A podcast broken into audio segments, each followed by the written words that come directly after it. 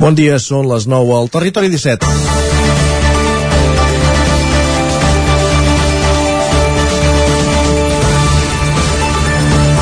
En quatre dies s'ha duplicat el nombre de confinats a les escoles d'Osona. A finals de la setmana passada eren uns 1.200 i ahir les xifres se situaven als 2.300 entre alumnes, professors i personal no docent. El protocol vigent estableix que per confinar tot un grup cal que hi hagi almenys 5 positius i això fa que el nombre de grups en quarantena sigui baix, tot i que n'hi ha diverses localitats de la comarca. Les dades assenyalen una desacceleració de la pandèmia i la Generalitat preveu arribar al pic de la sisena onada els propers dies. Mentrestant, ara és el col·lectiu de farmacèutics el que arriba al col·lapse. En els darrers dies, en aquest programa hem explicat els casos de les farmàcies de Mollà i Sant Feliu de Codines, que no poden assumir els testos escolars. Ja no només per falta de testos destinats a aquests cribratges, sinó també per falta de mans.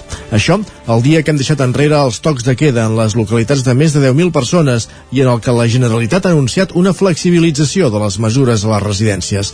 Després de la protesta de diumenge dels estels silenciats a Manlleu, el Departament d'Afers Socials ha anunciat que s'autoritzaran visites i sortides a les residències vermelles si els residents estan en zona verda i els seus contactes estrets immunitzats.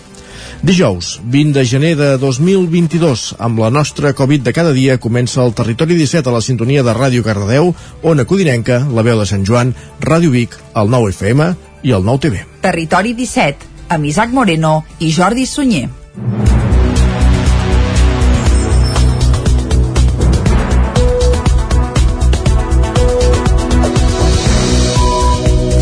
Passen dos minutets de les 9 del matí d'avui dijous, dia 20 de gener de 2022 i arrenca ara mateix un nou Territori 17 que avui, com sempre, us farà companyia fins a les 12 del migdia i arrencarà amb una primera hora que dedicarem íntegrament a acostar-vos tota l'actualitat de les nostres comarques. A partir de les 10, més informació i després serà el moment de l'entrevista. Avui, Isaac, cap on...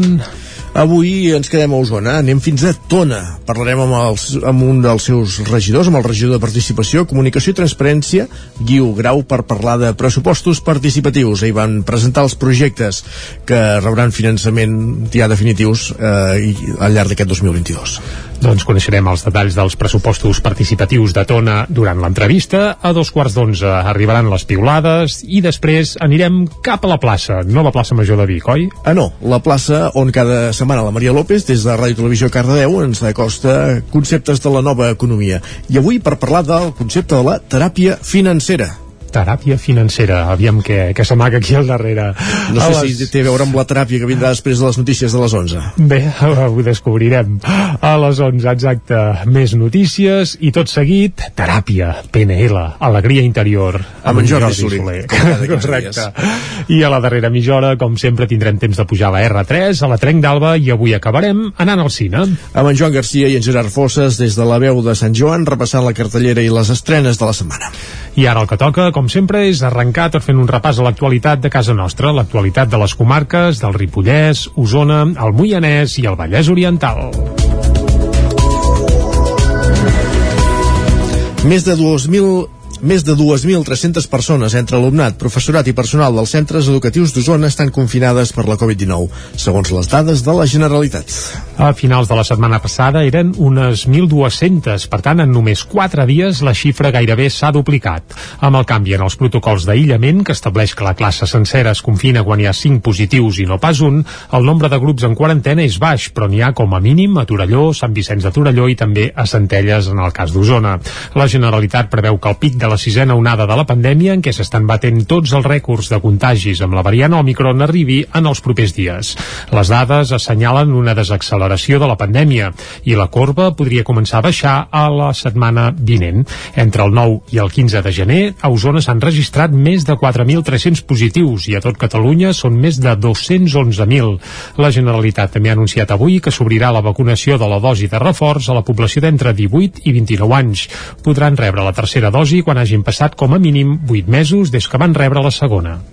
L'Associació d'Advocats d'Osona per la Defensa dels Drets Humans demana al govern català que requereixi el govern central a investigar la possible relació entre el CNI i els atemptats del 17 d'agost del 2017 a Barcelona i Cambrils. Doncs tal com va fer l'Ajuntament de Ripoll fa uns dies, l'Associació d'Advocats d'Osona, juntament amb altres entitats com Juristes de les Terres de l'Ebre per la Llibertat i Carallans per la República, han adreçat una missiva a l'executiu català.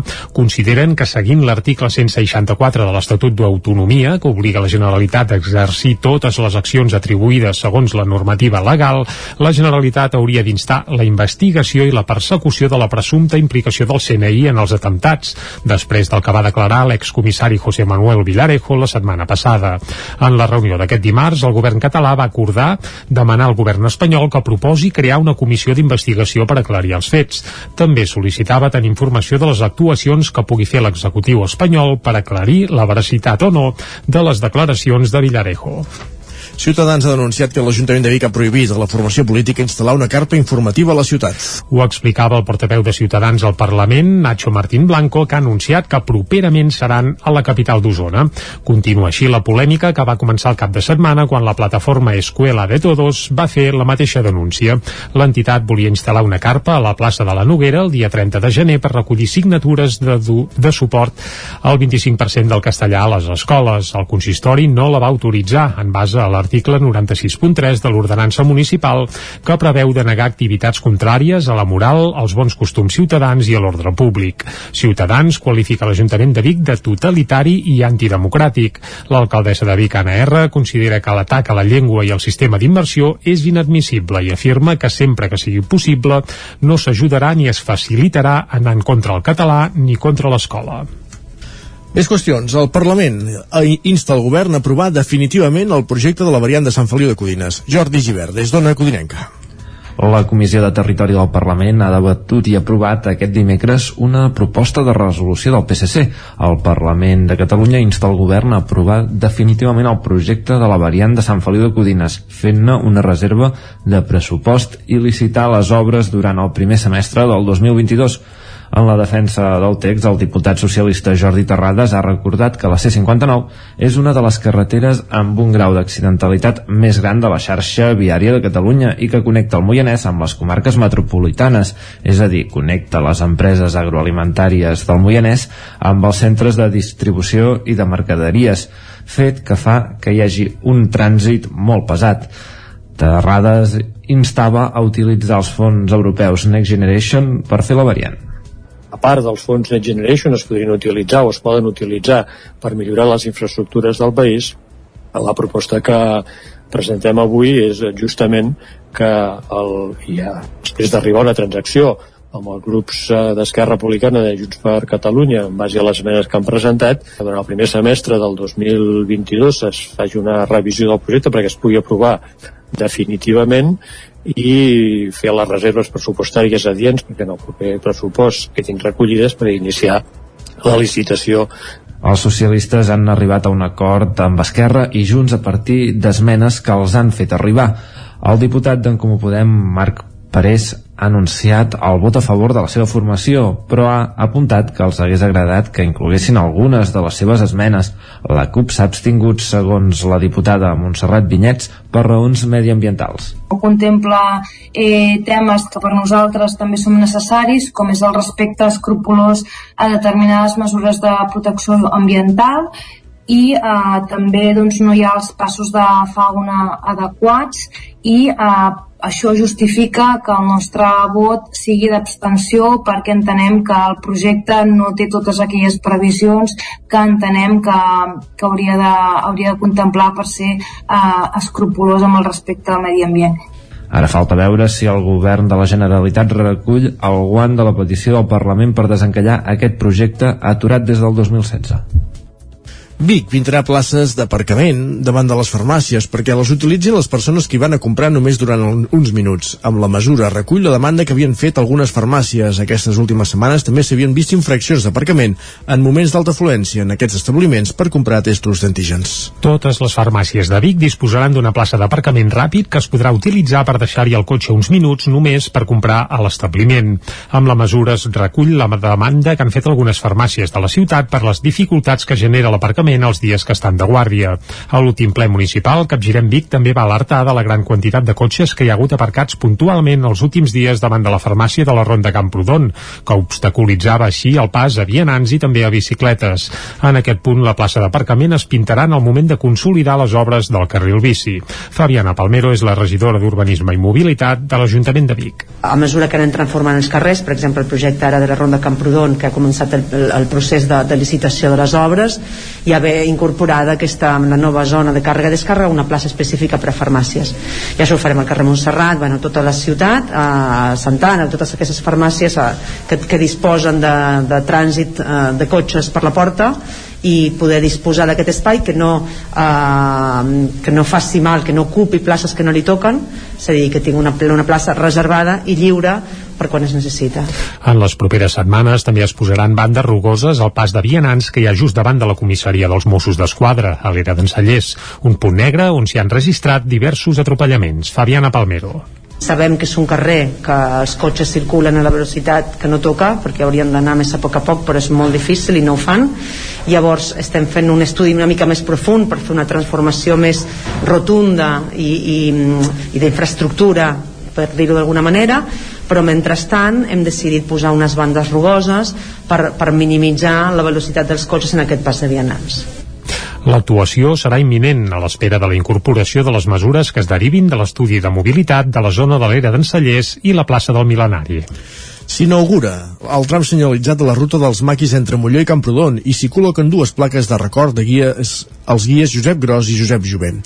Isaac Muntades, des de la veu de Sant Joan. Divendres passat es va inaugurar el nou tram senyalitzat entre Molló i Camprodon de la ruta dels maquis, una iniciativa impulsada per l'Amical dels Antics Guerrillers de Catalunya, el Memorial Democràtic de la Generalitat de Catalunya i el Museu Memorial de l'Exili amb el suport de la Diputació de Girona i les administracions locals. A més, es va aprofitar per col·locar dos plafons a Molló i a l'ermita de Sant Antoni de Camprodon en record a Josep Jové i Josep Gros, dos dels guies que feien travessies entre les dues bandes de la frontera per tal d'ajudar molts republicans durant el final de la Guerra Civil i la dictadura. Josep Serra, membre de l'Amical dels Antics Guerrillers de Catalunya, explicava quina era la funció d'aquests guies. Feien viatges en funció de, de lo que els hi encarreguessin, ja sigui portar informació, podia ser propaganda política, correspondència cap a l'intern o treure persones que eren perseguides o al contrari, enviar també gent cap a l'intern. Aquesta ruta va ser oberta per Josep Jové l'any 1945 per encàrrec de la direcció del Partit Comunista, quan encara hi havia esperança que els aliats entressin a Espanya per derrocar a Franco, després d'haver-ho fet amb Mussolini i Hitler. La ruta es feia en 4 dies i tenia 80 quilòmetres des de Prats a Molló fins a Manlleu. Feien el viatge de nit, unes 8 o 9 hores de caminada i descansaven de dia perquè no els atrapés la Guàrdia Civil. Aquestes rutes s'han pogut senyalitzar per fer-hi senderisme i recuperar la memòria històrica gràcies a Josep Gros, que va escriure un llibre autobiogràfic on anotava per on passaven amb tots els detalls. Gros, nascut a Manresa l'any 1914, va ser un dels principals guies d'aquesta ruta amb entre 27 i 28 viatges a les seves espatlles després de tornar de combatre a Rússia contra els nazis durant la Segona Guerra Mundial. Va lluitar del 1936 al 1972 i va poder tornar a Espanya el 1976 fins que va morir el 2009. El seu fill, José Gros, va assistir a l'homenatge i va dir dues frases que resumeixen la vida del seu pare. Frank Kafka dijo que los, los hombres que luchan un día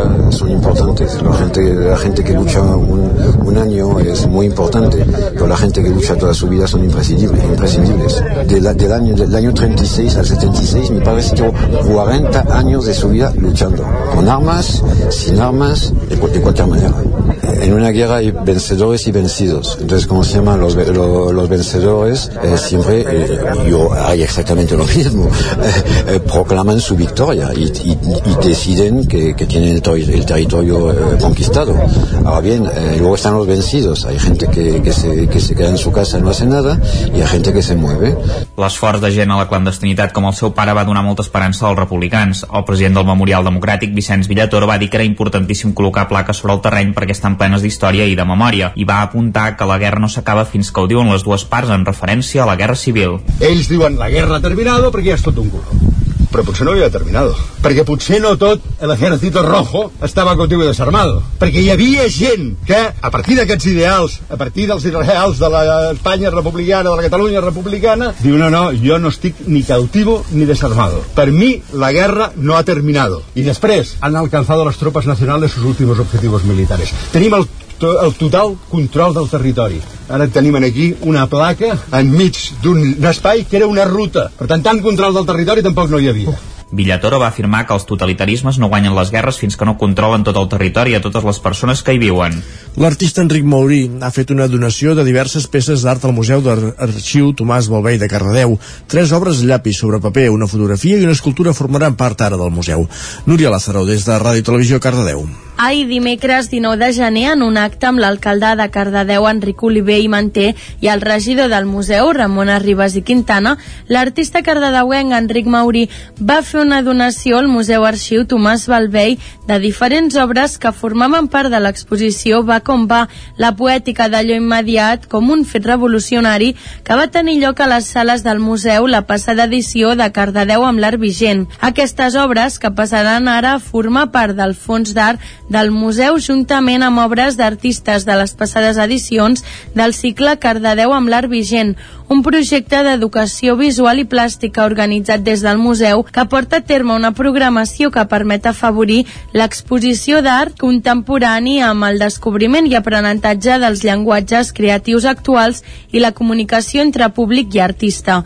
Després de més de 15 anys, Cardedeu amb l'art vigent s'ha convertit en un recurs pedagògic i en un projecte que permet compartir dubtes i experiències entre els escolars i l'artista a partir de les visites i tallers de creació al museu, dels treballs que realitzen als centres escolars i de la trobada entre l'alumnat i l'artista al centre educatiu. Gràcies, Núria. Acabem aquí aquest repàs informatiu que començàvem a les 9 i que hem fet en companyia de Núria Lázaro, Jordi Givert, Isaac Muntades i Jordi Sunyem. Moment ara de conèixer la previsió meteorològica al territori 17. I això en aquest programa és sinònim d'una paraula, dues paraules. Pep Acosta.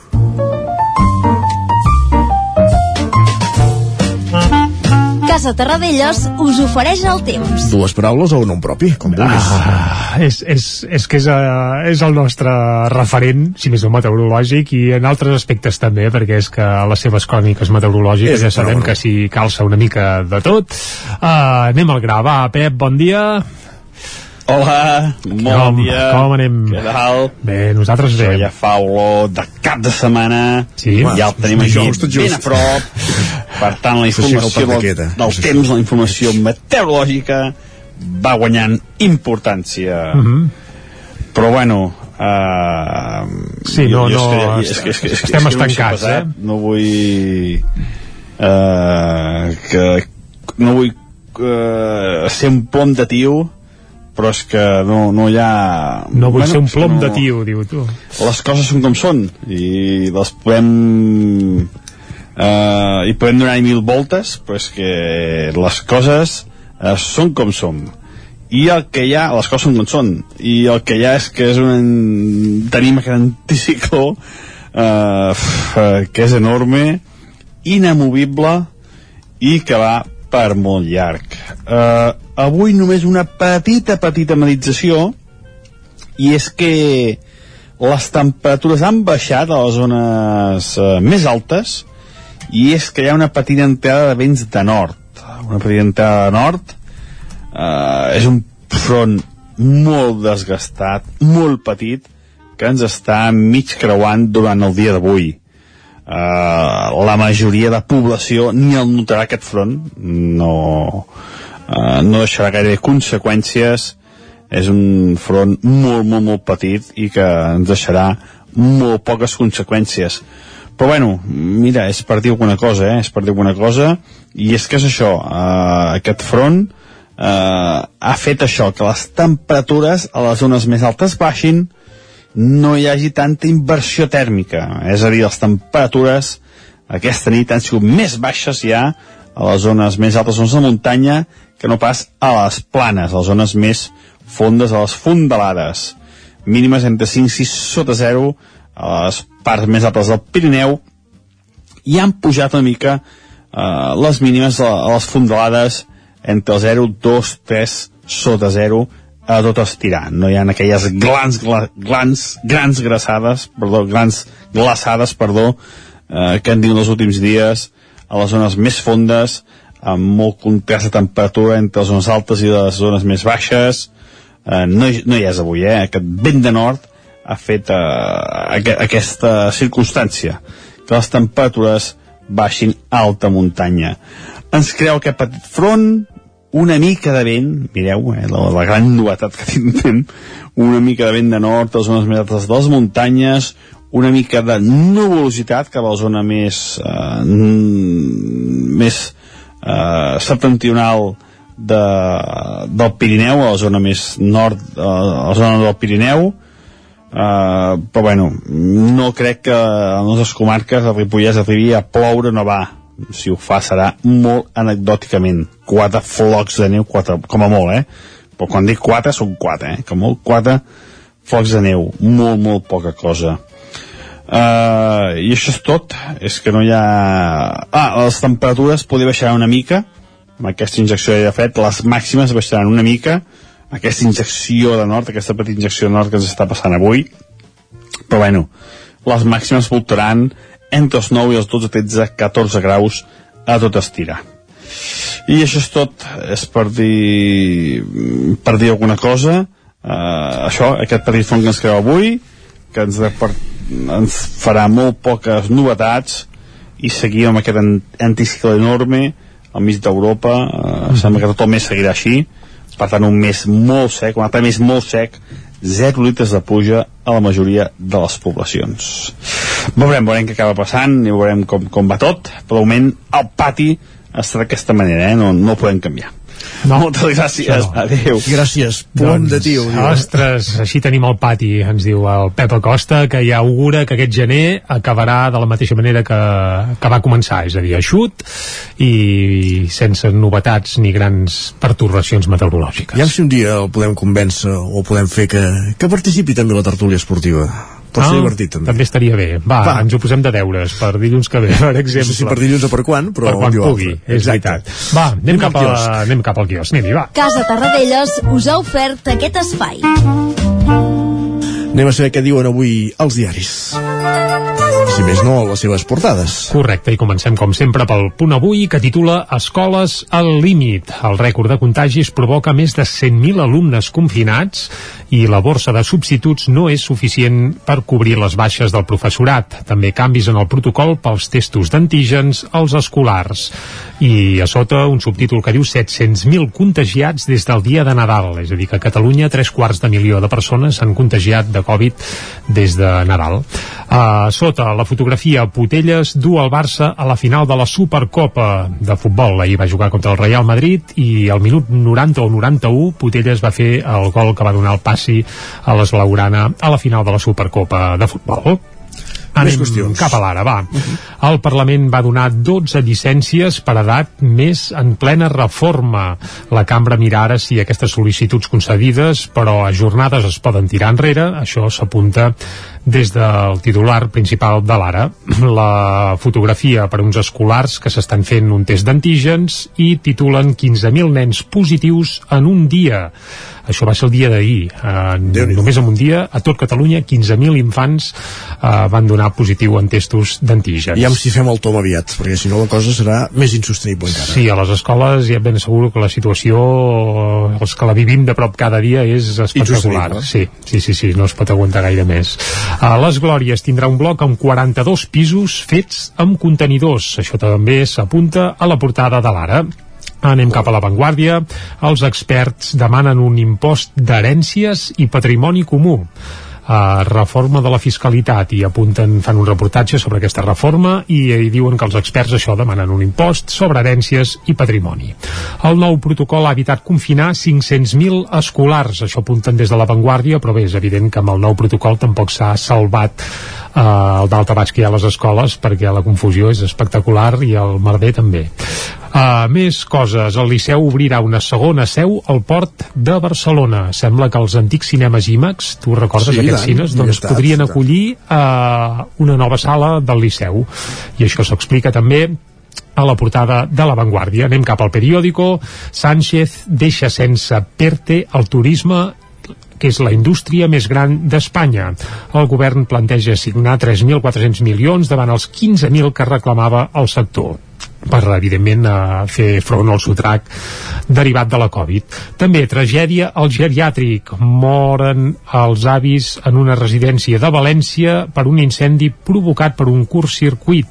Uh, moren sis avis, no havíem dit quants, en una residència de València en un incendi provocat per un curt circuit. Això va succeir ahir. Uh -huh. També Colau haurà de declarar com a imputada, però no es planteja la dimissió. Això també apareix a la portada del periòdico. I anem ara cap a les portades que s'editen des de Madrid. Comencem. Comencem pel país. La baixada de la incidència alienta el fin de les restricciones. No sé per on veuen aquesta baixada de la incidència, però el país ja apunta en això. Catalunya renuncia al toc de queda i Cantàbria renuncia al passaport Covid. Això també a la portada del país. Rebel·lió contra Johnson eh, entre els conservadors, això també vinculat a la crisi que hi ha en aquest sentit el Regne Unit amb Boris Johnson, ara ja fins i tot els seus, els del seu partit ja li demanen que plegui.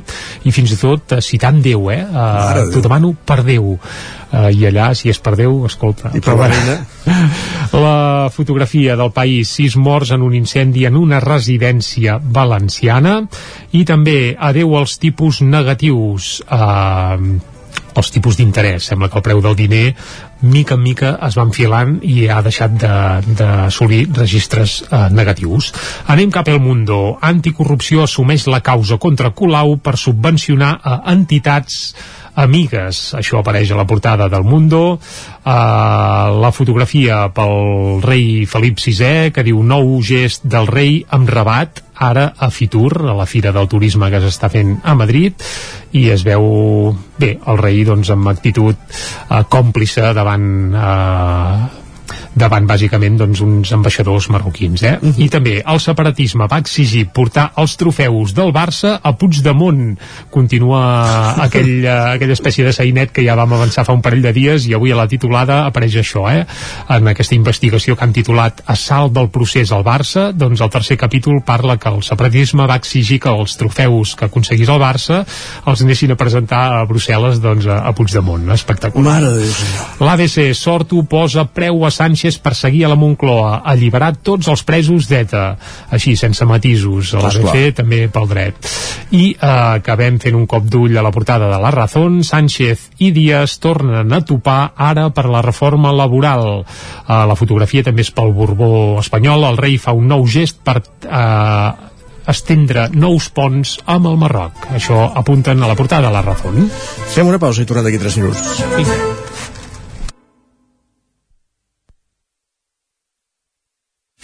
El nou FM, la ràdio de casa, al 92.8. Territori 17. Això és el que s'escolta al voltant d'una caldera saunia d'Oval. Tranquilitat i benestar, perquè gaudeix del millor manteniment del servei tècnic oficial per estar despreocupat.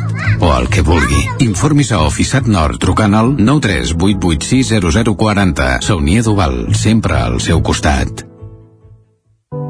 Cobertes serveis funeraris. Els nostres tanatoris estan ubicats en els nuclis urbans més poblats de la comarca d'Osona per oferir un millor servei. Tanatori de Vic, Tanatori de Manlleu, Tanatori de Centelles i Tanatori de Roda de Ter. Sabem que són moments difícils i per això el nostre compromís és atendre-us en tot moment amb un tracte humà, sensible i respectuós. Cobertes serveis funeraris. Telèfon 24 hores 93 883 23 46.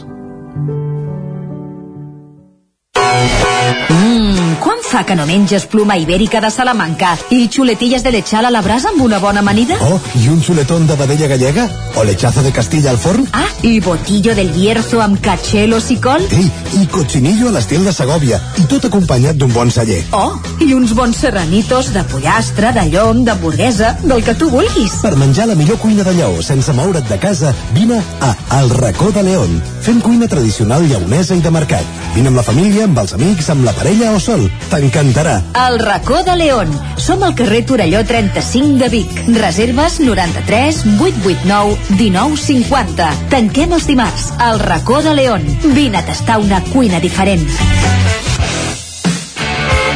Vine a Autoscola Montseny. Ara és el moment de fer els cursos de teòrica intensius. Ràpid i eficaç. T'informarem dels PACs. Permís de moto de 16 i 18 anys i permís de cotxe. I si vens a veure'ns, tindràs un obsequi. Apunta't i no t'ho pensis més. Per més informació, Autoscola Montseny, Rambla de Vallades, número 13 de Vic. Busca'ns a Instagram i Facebook. Cocodril Club. Si t'agrada la bona música dels anys 60, 70 i 80, escolta el 9 FM als matins de dissabtes i diumenges d'11 a 1. És el temps del Cocodril Club, tot un clàssic de la ràdio, amb les bases del pop-rock, les llegendes, les cançons que s'han convertit en autèntics himnes. Recorda, dissabtes i diumenges al matí, d'11 a 1, al 9 FM 92.8. Cocodril Club, el programa revival de l'Albert Malla. Hasta luego, cocodrilo. El 9 FM, la ràdio de casa, al 92.8.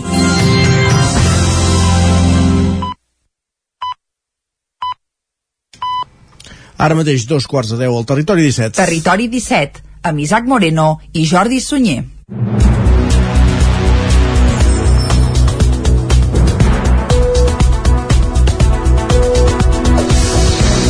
A dos quarts de deu en punt d'avui dijous, dia...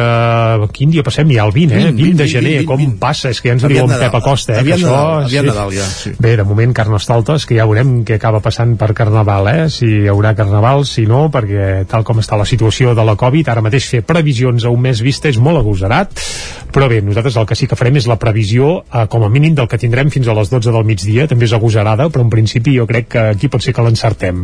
Nosaltres tenim Home, la fiabilitat d'en Pep Acosta, en aquest sentit, gairebé. Esperem-ho. Esperem-ho. Com, com molt un canvi d'escaleta, que això ho té el directe, però més enllà d'això esperem que no, sigui, que no hi hagi més dalt que baixos. Doncs vinga, us avancem la previsió com a mínim fins a les 12. Una mica abans de les 10 hi posarem música avui, uh, avui música tremenda. Ja explicarem ben bé per què. Ui, molt bé. Un espectacle que s'estrena demà a Roda de Ter, eh? Ah, correcte. Ja veig que saps per on van els trets. És que vaig escoltar amb molt deteniment ahir en Jordi Vilarrodà a l'agenda cultural. Doncs molt ben fet, clar que sí. Uh, doncs això, música tremenda abans de les 10. A les 10 actualitzarem butlletí informatiu i avui, Isaac, a l'entrevista anirem cap a Tona. Per parlar amb el seu regidor de Participació, Comunicació i Transparència, en Guiu Grau, parlem de pressupostos participatius. A dos quarts d'onze ens visitarà en Guillem Sánchez per portar-nos piulades i sucarem una mica de pa, repassarem les portades del 99.cat i després arribarà la taula de redacció. I tot seguit, a la plaça. Nova Economia, Maria López, des de Ràdio Televisió Cardedeu i 11.cat, i avui parlant de teràpia financera. Aviam què s'amaga aquí al darrere. A les 11 més informació i després tindrem una altra visita vinculada també a les teràpies, diguem-ne. eh? En aquest, aquest cas, eh, el PNL, el Mindfulness, l'alegria interior amb Jordi Soler, com cada 15 dies aquí al Territori 17, la primera sessió de l'any. A dos quarts de 12 amb tren cap a la R3, a la Trenc d'Alba i avui, com que és dijous, acabarem anant al cinema. Des de la veu de Sant Joan, amb Joan Garcia i Gerard Fosses, coneixerem la cartellera de la setmana als cinemes del nostre Territori 17. I ara el que toca, com sempre, arribats a aquest punt, és acostar-vos de nou l'actualitat de casa nostra, l'actualitat de les comarques d'Osona, el Ripollès, el Vallès Oriental i el Moianès. Més de 2.000 més de 2.300 persones entre alumnat, professorat i personal dels centres educatius d'Osona estan confinades per la Covid-19, segons les dades de la Generalitat. A finals de la setmana passada eren unes 1.200, per tant, en només 4 dies la xifra gairebé s'ha duplicat. Amb el canvi en els protocols d'aïllament, que estableix que la classe sencera es confina quan hi ha 5 positius i no pas un, el nombre de grups en quarantena és baix, però n'hi ha com a mínim a Torelló, Sant Vicenç de Torelló i també a Centelles, en el cas d'Osona. La Generalitat preveu que el pic de la sisena onada de la pandèmia, en què s'estan batent tots els rècords de contagis amb la variant Omicron, arribi en els propers dies. Les dades assenyalen una desacceleració de la pandèmia i la corba podria començar a baixar a la setmana vinent. Entre el 9 i el 15 de gener, a Osona s'han registrat més de 4.300 positius i a tot Catalunya són més de 211.000. La Generalitat també ha anunciat avui que s'obrirà la vacunació de la dosi de reforç a la població d'entre 18 i 29 anys. Podran rebre la tercera dosi quan hagin passat com a mínim 8 mesos des que van rebre la segona. L'Associació d'Advocats d'Osona per la Defensa dels Drets Humans demana al govern català que requereixi al govern central a investigar la possible relació entre el CNI i els atemptats del 17 d'agost del 2017 a Barcelona i Cambrils. Doncs tal com va fer l'Ajuntament de Ripoll fa uns dies, l'Associació d'Advocats d'Osona, juntament amb altres entitats com Juristes de les Terres de l'Ebre per la Llibertat i Carallans per la República, han adreçat una missiva a l'executiu català. Consideren que seguint l'article 164 de l'Estatut d'autonomia, que obliga la Generalitat a exercir totes les accions atribuïdes segons la normativa legal, la Generalitat hauria d'instar la investigació i la persecució de la presumpta implicació del CNI en els atemptats, després del que va declarar l'excomissari José Manuel Villarejo la setmana passada. En la reunió d'aquest dimarts, el govern català va acordar demanar al govern espanyol que proposi crear una comissió d'investigació per aclarir els fets. També sol·licitava tenir informació de les actuacions que pugui fer l'executiu espanyol per aclarir la veracitat o no de les declaracions de Villarejo. Ciutadans ha denunciat que l'Ajuntament de Vic ha prohibit a la formació política instal·lar una carpa informativa a la ciutat. Ho explicava el portaveu de Ciutadans al Parlament, Nacho Martín Blanco, que ha anunciat que properament seran a la capital d'Osona. Continua així la polèmica que va començar el cap de setmana quan la plataforma Escuela de Todos va fer la mateixa denúncia. L'entitat volia instal·lar una carpa a la plaça de la Noguera el dia 30 de gener per recollir signatures de, de suport al 25% del castellà a les escoles. El consistori no la va autoritzar en base a l'article 96.3 de l'ordenança municipal que preveu denegar activitats contràries a la moral, als bons costums ciutadans i a l'ordre públic. Ciutadans qualifica l'Ajuntament de Vic de totalitari i antidemocràtic. L'alcaldessa de Vic, Anna R, considera que l'atac a la llengua i al sistema d'immersió és inadmissible i afirma que sempre que sigui possible no s'ajudarà ni es facilitarà anant contra el català ni contra l'escola.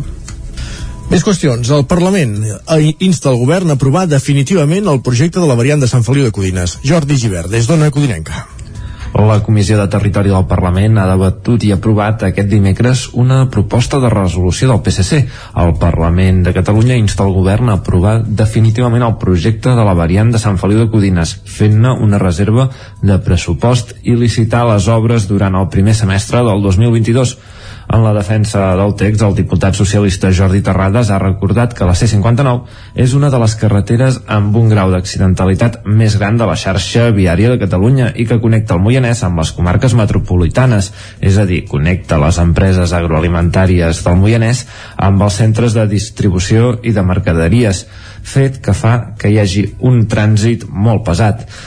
Terrades instava a utilitzar els fons europeus Next Generation per fer la variant a part dels fons Next Generation es podrien utilitzar o es poden utilitzar per millorar les infraestructures del país, la proposta que presentem avui és justament que el, ja, després d'arribar a una transacció amb els grups d'Esquerra Republicana de Junts per Catalunya en base a les esmenes que han presentat que durant el primer semestre del 2022 es faci una revisió del projecte perquè es pugui aprovar definitivament i fer les reserves pressupostàries adients perquè en el proper pressupost que tinc recollides per iniciar la licitació els socialistes han arribat a un acord amb Esquerra i Junts a partir d'esmenes que els han fet arribar. El diputat d'en Comú Podem, Marc Parés, ha anunciat el vot a favor de la seva formació, però ha apuntat que els hagués agradat que incloguessin algunes de les seves esmenes. La CUP s'ha abstingut, segons la diputada Montserrat Vinyets, per raons mediambientals. Contempla eh, temes que per nosaltres també són necessaris, com és el respecte escrupulós a determinades mesures de protecció ambiental i eh, també doncs, no hi ha els passos de fauna adequats i eh, això justifica que el nostre vot sigui d'abstenció perquè entenem que el projecte no té totes aquelles previsions que entenem que, que hauria, de, hauria de contemplar per ser eh, escrupulós amb el respecte al medi ambient. Ara falta veure si el govern de la Generalitat recull el guant de la petició del Parlament per desencallar aquest projecte aturat des del 2016. Vic pintarà places d'aparcament davant de les farmàcies perquè les utilitzin les persones que hi van a comprar només durant un, uns minuts. Amb la mesura recull la demanda que havien fet algunes farmàcies. Aquestes últimes setmanes també s'havien vist infraccions d'aparcament en moments d'alta afluència en aquests establiments per comprar testos d'antígens. Totes les farmàcies de Vic disposaran d'una plaça d'aparcament ràpid que es podrà utilitzar per deixar-hi el cotxe uns minuts només per comprar a l'establiment. Amb la mesura es recull la demanda que han fet algunes farmàcies de la ciutat per les dificultats que genera l'aparcament especialment els dies que estan de guàrdia. A l'últim ple municipal, Capgirem Vic també va alertar de la gran quantitat de cotxes que hi ha hagut aparcats puntualment els últims dies davant de la farmàcia de la Ronda Camprodon, que obstaculitzava així el pas a vianants i també a bicicletes. En aquest punt, la plaça d'aparcament es pintarà en el moment de consolidar les obres del carril bici. Fabiana Palmero és la regidora d'Urbanisme i Mobilitat de l'Ajuntament de Vic. A mesura que anem transformant els carrers, per exemple, el projecte ara de la Ronda Camprodon, que ha començat el, el, procés de, de licitació de les obres, hi ha haver incorporada aquesta, la nova zona de càrrega i descàrrega una plaça específica per a farmàcies. I això ho farem al carrer Montserrat bueno, a tota la ciutat, a Santana a totes aquestes farmàcies a, que, que disposen de, de trànsit a, de cotxes per la porta i poder disposar d'aquest espai que no, eh, que no faci mal, que no ocupi places que no li toquen, és a dir, que tingui una, una plaça reservada i lliure per quan es necessita. En les properes setmanes també es posaran bandes rugoses al pas de vianants que hi ha just davant de la comissaria dels Mossos d'Esquadra, a l'era d'Ensallers, un punt negre on s'hi han registrat diversos atropellaments. Fabiana Palmero. Sabem que és un carrer que els cotxes circulen a la velocitat que no toca, perquè haurien d'anar més a poc a poc, però és molt difícil i no ho fan. Llavors estem fent un estudi una mica més profund per fer una transformació més rotunda i, i, i d'infraestructura per dir-ho d'alguna manera, però mentrestant hem decidit posar unes bandes rugoses per, per minimitzar la velocitat dels cotxes en aquest pas de vianants. L'actuació serà imminent a l'espera de la incorporació de les mesures que es derivin de l'estudi de mobilitat de la zona de l'era d'Encellers i la plaça del Milenari. S'inaugura el tram senyalitzat de la ruta dels maquis entre Molló i Camprodon i s'hi col·loquen dues plaques de record de guies, els guies Josep Gros i Josep Jové. Isaac Muntades, des de la veu de Sant Joan. Divendres passat es va inaugurar el nou tram senyalitzat entre Molló i Camprodon de la ruta dels maquis, una iniciativa impulsada per l'Amical dels Antics Guerrillers de Catalunya, el Memorial Democràtic de la Generalitat de Catalunya i el Museu Memorial de l'Exili amb el suport de la Diputació de Girona i les administracions locals. A més, es va aprofitar per col·locar dos plafons a Molló i a l'ermita de Sant Antoni de Camprodon en record a Josep Jové i Josep Gros, dos dels guies que feien travessies entre les dues bandes de la frontera per tal d'ajudar molts republicans durant el final de la Guerra Civil i la dictadura. Josep Serra, membre de l'Amical dels Antics Guerrillers de Catalunya, explicava quina era la funció d'aquests guies. Feien viatges en funció de, de lo que els hi encarreguessin, ja sigui portar informació, podia ser propaganda política, correspondència cap a l'intern, o treure persones que eren perseguides, o al contrari, enviar també gent cap a l'intern. Aquesta ruta va ser oberta per Josep Jové l'any 1945 per encàrrec de la direcció del Partit Comunista, quan encara hi havia esperança que els aliats entressin a Espanya per derrocar a Franco, després d'haver-ho fet amb Mussolini i Hitler. La ruta es feia en 4 dies i tenia 80 quilòmetres des de Prats a Molló fins a Manlleu. Feien el viatge de nit, unes 8 o 9 hores de caminada i descansaven de dia perquè no els atrapés la Guàrdia Civil. Aquestes rutes s'han pogut senyalitzar per fer-hi senderisme i recuperar la memòria històrica gràcies a Josep Gros, que va escriure un llibre autobiogràfic on anotava per on passaven amb tots els detalls. Gros, nascut a Manresa l'any 1914, va ser un dels principals guies d'aquesta ruta amb entre 27 i 28 viatges a les seves espatlles després de tornar de combatre a Rússia contra els nazis durant la Segona Guerra Mundial. Va lluitar del 1936 al 1972 i va poder tornar a Espanya el 1976 fins que va morir el 2009. El seu fill, José Gros, va assistir a l'homenatge i va dir dues frases que resumeixen la vida del seu pare. Frank Kafka dijo que los, los hombres que luchan un día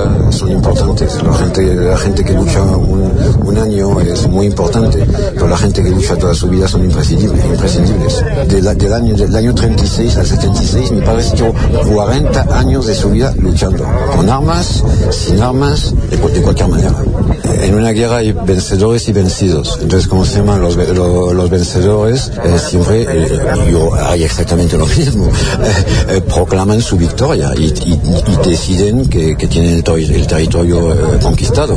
Ahora bien, eh, luego están los vencidos. Hay gente que, que, se, que se queda en su casa y no hace nada y hay gente que se mueve.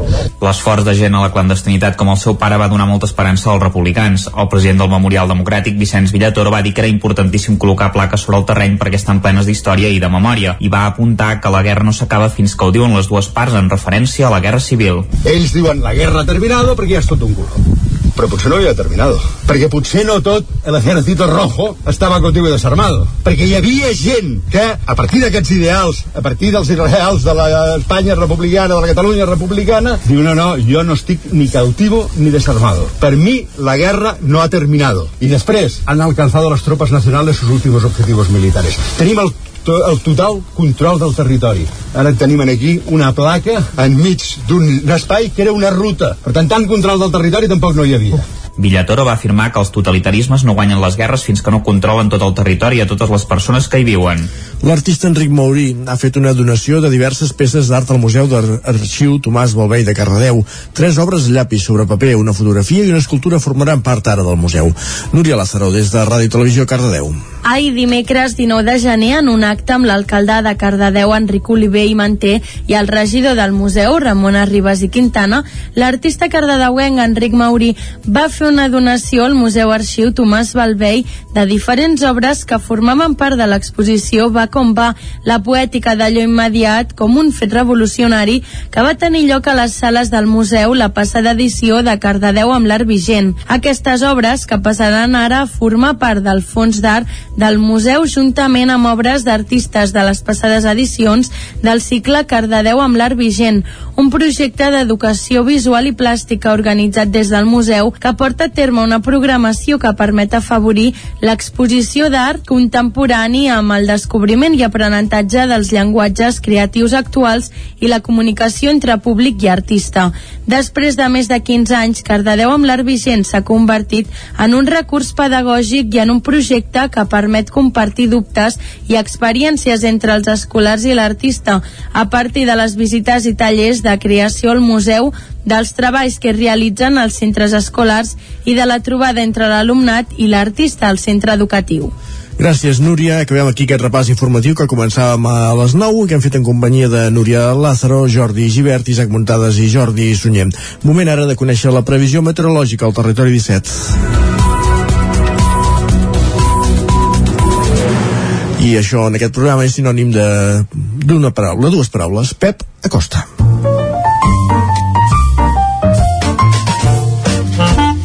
Casa Terradellos us ofereix el temps. Dues paraules o un nom propi, com vulguis. Ah, és, és, és que és, uh, és el nostre referent, si més no meteorològic, i en altres aspectes també, perquè és que a les seves cròniques meteorològiques És ja sabem que s'hi calça una mica de tot.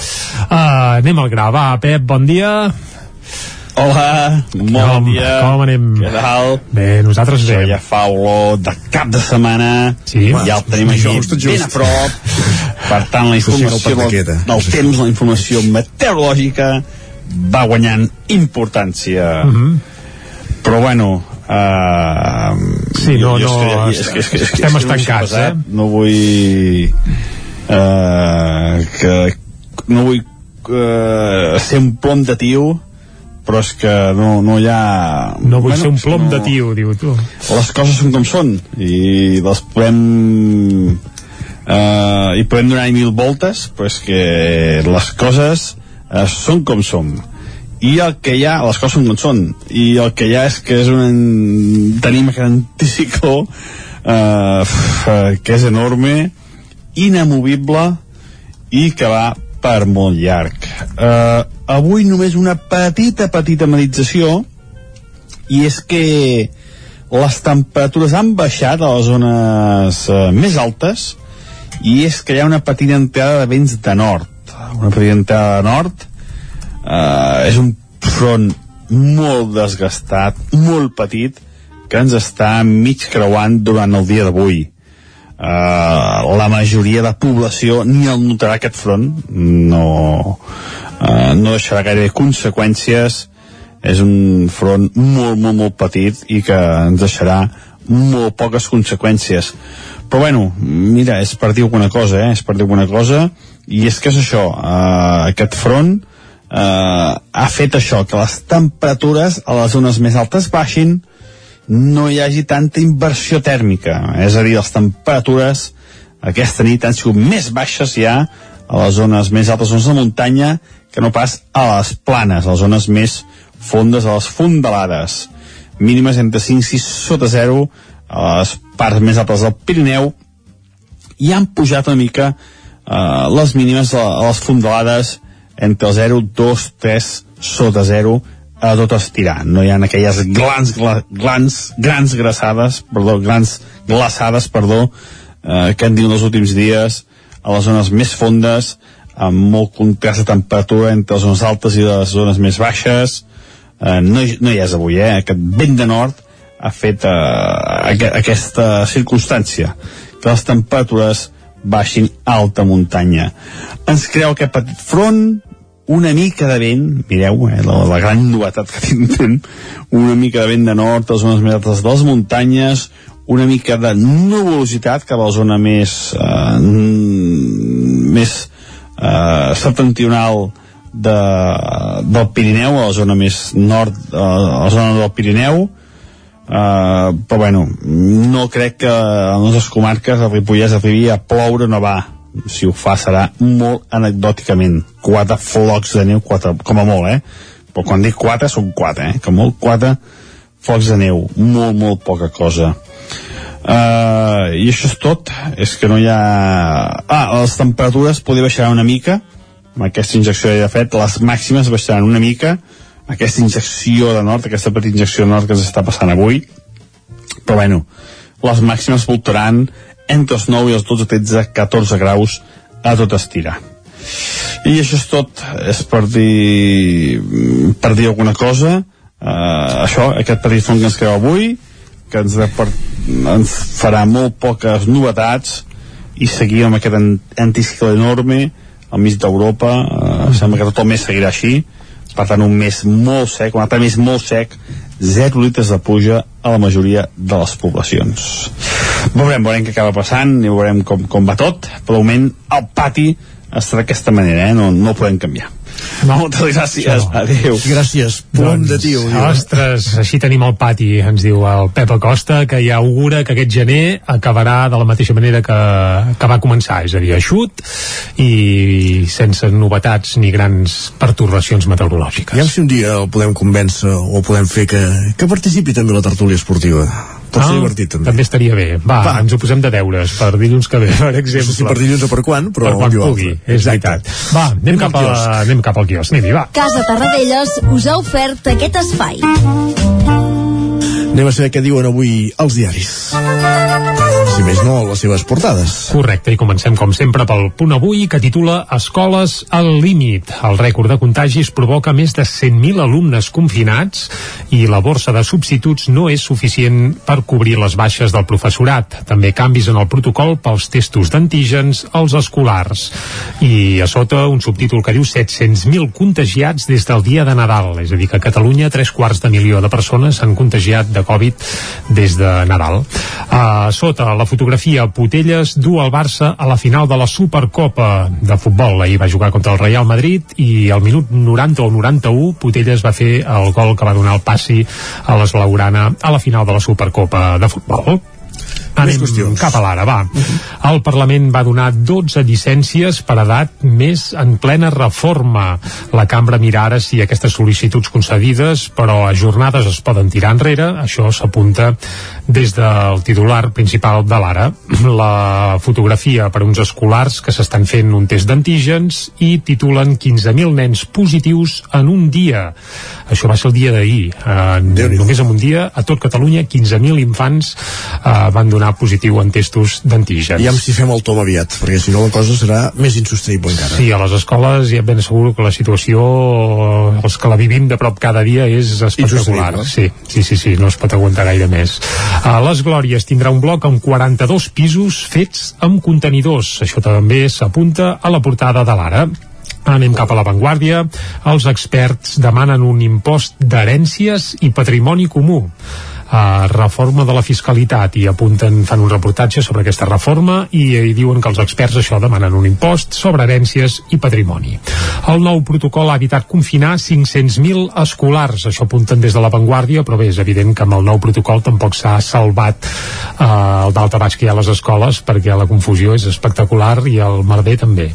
Uh, més coses, el Liceu obrirà una segona seu al port de Barcelona. Sembla que els antics cinemes IMAX, tu recordes sí, aquests cines, doncs estat, podrien acollir uh, una nova sala del Liceu.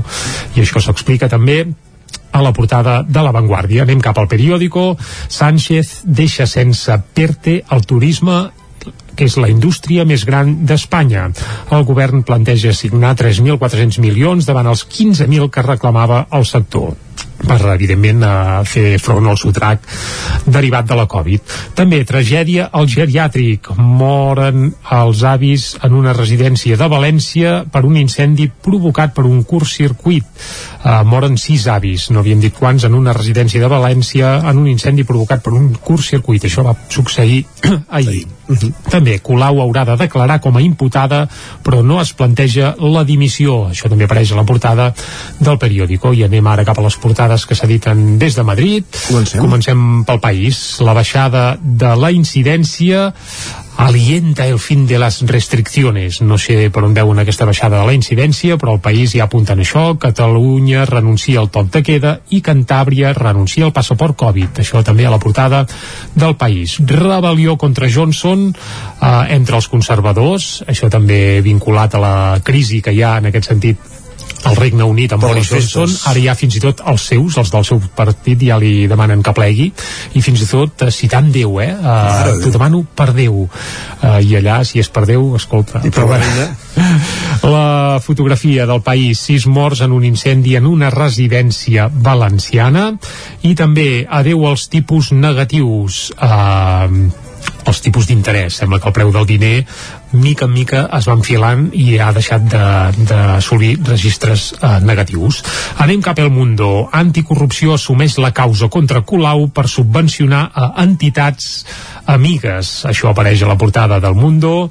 Uh, la fotografia pel rei Felip VI que diu nou gest del rei amb rabat ara a Fitur, a la Fira del Turisme que s'està fent a Madrid i es veu bé el rei doncs amb actitud eh, còmplice davant eh, davant bàsicament doncs, uns ambaixadors marroquins eh? i també el separatisme va exigir portar els trofeus del Barça a Puigdemont continua aquell, eh, aquella espècie de sainet que ja vam avançar fa un parell de dies i avui a la titulada apareix això eh? en aquesta investigació que han titulat Assalt del procés al Barça doncs el tercer capítol parla que el separatisme va exigir que els trofeus que aconseguís el Barça els anessin a presentar a Brussel·les doncs, a, Puigdemont espectacular. L'ABC Sortu posa preu a Sánchez per seguir a la Moncloa, alliberar tots els presos d'ETA, així, sense matisos, a l'ABC també pel dret. I eh, acabem fent un cop d'ull a la portada de La Razón, Sánchez i Díaz tornen a topar ara per la reforma laboral. Eh, la fotografia també és pel Borbó espanyol, el rei fa un nou gest per eh, estendre nous ponts amb el Marroc. Això apunten a la portada de La Razón. Que no se n'adona, Bartomeu, que no té cap credibilitat, com que ara vulgui fer de, de garganta profunda contra l'inde- No, no. l'independentisme. I si tingués alguna credibilitat, potser, eh, no sé, l'última Copa del Borbó l'haguessin anat a portar a Puigdemont, però això no va Mare, passar. és Per que, tant, mare Déu, clar, senyor. és que sí, tot plegat però és clar, embolica que amb- fa amb ell fort. li van exigir, però ell s'hi va oposar, home. No. Bé, bé, però, escolta, proves, proves, clar, ell pot anar garlant, però és que, bé, la Mare veritat de és que com a llibre de ciència-ficció cola, i com que ja estem acostumats aquestes entregues per fascicles, a més a més, que venen sovint eh, amb el diari El Mundo, sobretot si són contra el procés, doncs, escolta, embolica que fa fort. Ara és el Barça, i d'aquí quatre dies potser se n'inventen alguna altra vinculada a alguna altra entitat. o Està a claríssim, saber. sí, sí. És el pa de cada dia. Tot sigui per desacreditar l'independentisme, però nosaltres hi posarem música, clar que sí, desengracem-ho tot plegat, i ho farem avui amb música de Tremendo.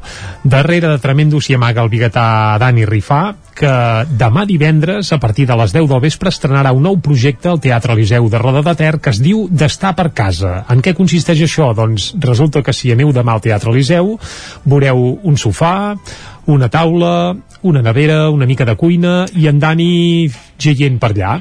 Ha preparat un En- En espectacle. Daniel Rifà és aquell que surt cada 7 anys aquell programa de TV3 amb, Correcte, amb barrastes, eh? Perquè, correcte. Perquè, perquè l'audiència se situa, bàsicament. Correcte, excantant de nit els miris del segle passat i després això ja fa gairebé 22 anys que va encetar una carrera en solitari com a Tremendamente, fa uns quants anys es va passar a dir Tremendo i ara, a part dels seus bolos en solitari i en banda que va fent, doncs estrenarà un espectacle teatral, però que és com una espècie de gran hermano, eh, per tant és a casa seva i ell va fent, ara convida algú, entra, toquen el timbre, faran alguna faran uns vinets, xerraran, faran alguna cançó, eh, caldrà veure-ho perquè la veritat és que el projecte promet i pot ser molt, molt divertit.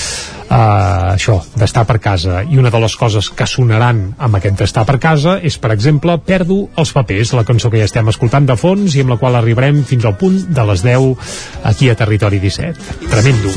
L'infern m'importava l'ordre. L'important és treure'l tot i no perdre el bon humor. Tinc els pensaments que se m'emporten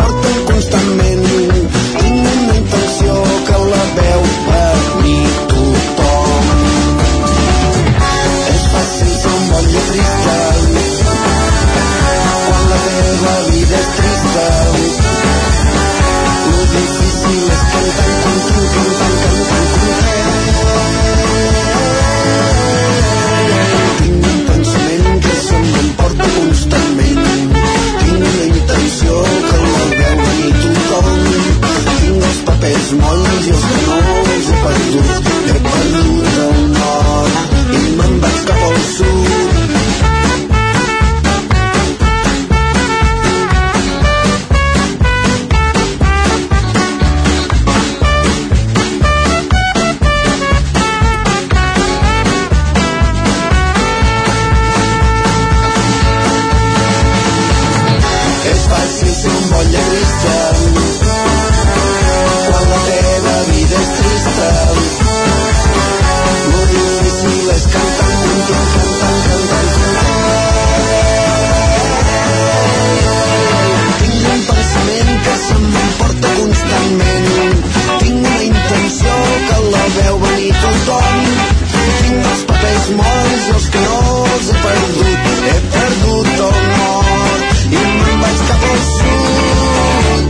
no em sembla tan absurd.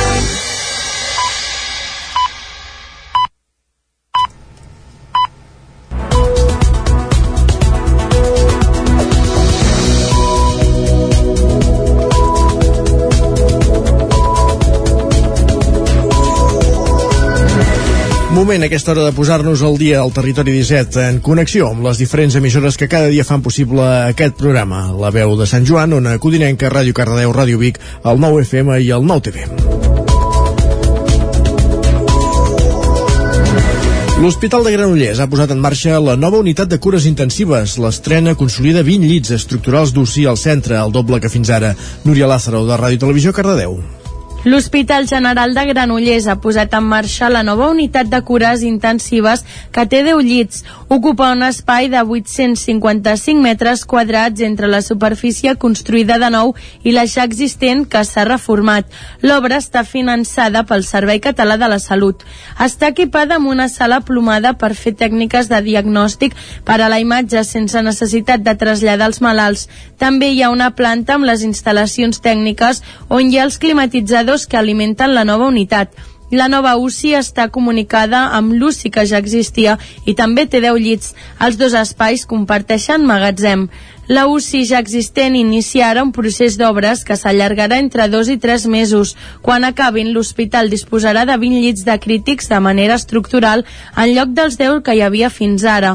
Aquests, però, podrien créixer fins a 26 en funció de necessitats puntuals. El servei s'ha d'ampliar encara més amb la construcció del nou edifici de l'Hospital de Granollers. Hi haurà 8 llits més d'UCI permanents.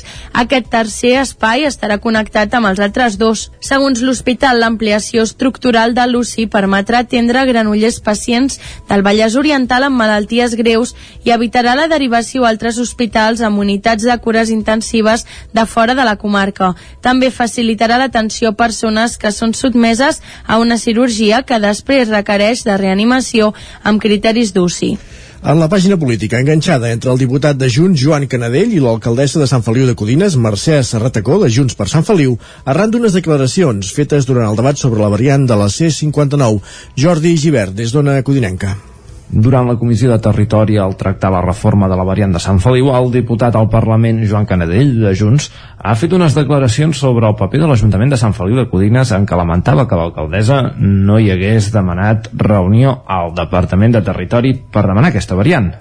Um, pas freqüent de, de la línia de, del Segalès eh, que a més a més quan es troba camions de cara doncs realment eh, dificulta molt eh, doncs, la circulació pel municipi. Per tant, és obvi que, que fa falta eh, aquesta variant com a molts lloc, altres llocs del país, és a dir, que no és un problema només de Sant Feliu, hi ha molts pobles al país que, que tenen problemes similars, però evidentment aquest eh, és un, és un d'ells. Um, el que no ens consta i, i ens sap greu és que l'actual alcaldessa no ha demanat encara reunir-se amb el Departament de Territori per, per poder eh, parlar sobre el tema, però bé, en tot cas...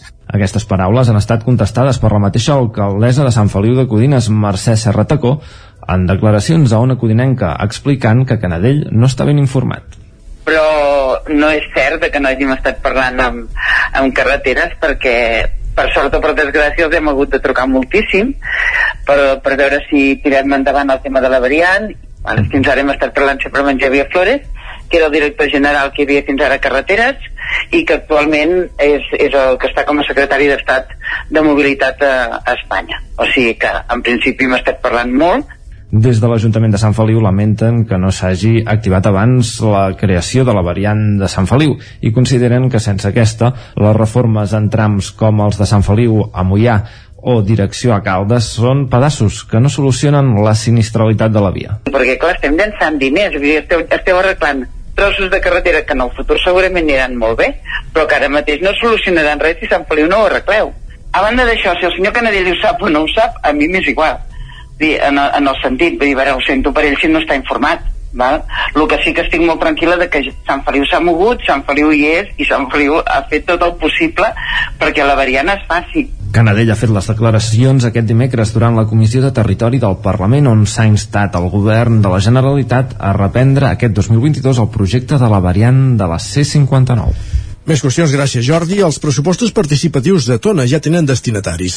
Les 340 persones que hi han participat han decidit que es construeixi un parc de salut i oci per a gent gran i un correcant a la zona de la Canal. El baix pressupost d'aquesta última proposta permetrà al consistori esgotar la partida de 40.000 euros en la segona proposta guanyadora, la col·locació de càmeres de vigilància construir un parc de salut i oci per a gent gran i un correcant a la zona de la Canal. Són les dues propostes guanyadores dels pressupostos participatius de Tona amb una partida de 50.000 euros. Hi han participat 340 persones, totes més grans de 16 anys i empadronades al municipi i cadascuna podia votar dues propostes. En la tipologia de propostes petites, totes pressupostades en un màxim de 10.000 euros, l'opció guanyadora va ser la construcció d'un parc de salut i oci per a persones grans que s'ubicarà al parc del carrer Montserrat. El pressupost total d'aquesta actuació puja als 9.680 euros. Ningú Panyella és membre de l'equip de regidoria de Drets Socials de Tona. El fet que hagi guanyat aquesta, aquesta alternativa doncs eh, des de la regidoria nostra que en diem de drets socials i de i d'integració, de cohesió doncs ens agrada, no? perquè d'alguna manera eh, fa que un barri que queda apartat quedi cohesionat en quant a serveis eh, amb el reste de la població i sobretot l'aspecte transversal de diferents generacions puguen estar en un mateix lloc no? En la modalitat de propostes grans, amb un pressupost d'entre 10.000 i 40.000 euros, l'opció guanyadora va ser la construcció d'un correcant als jardins de la Canal. Que l'opció guanyadora estigui pressupostada en 14.878 euros ha permès esgotar la partida de 40.000 euros en la proposta que va quedar segona, la col·locació de càmeres de vigilància.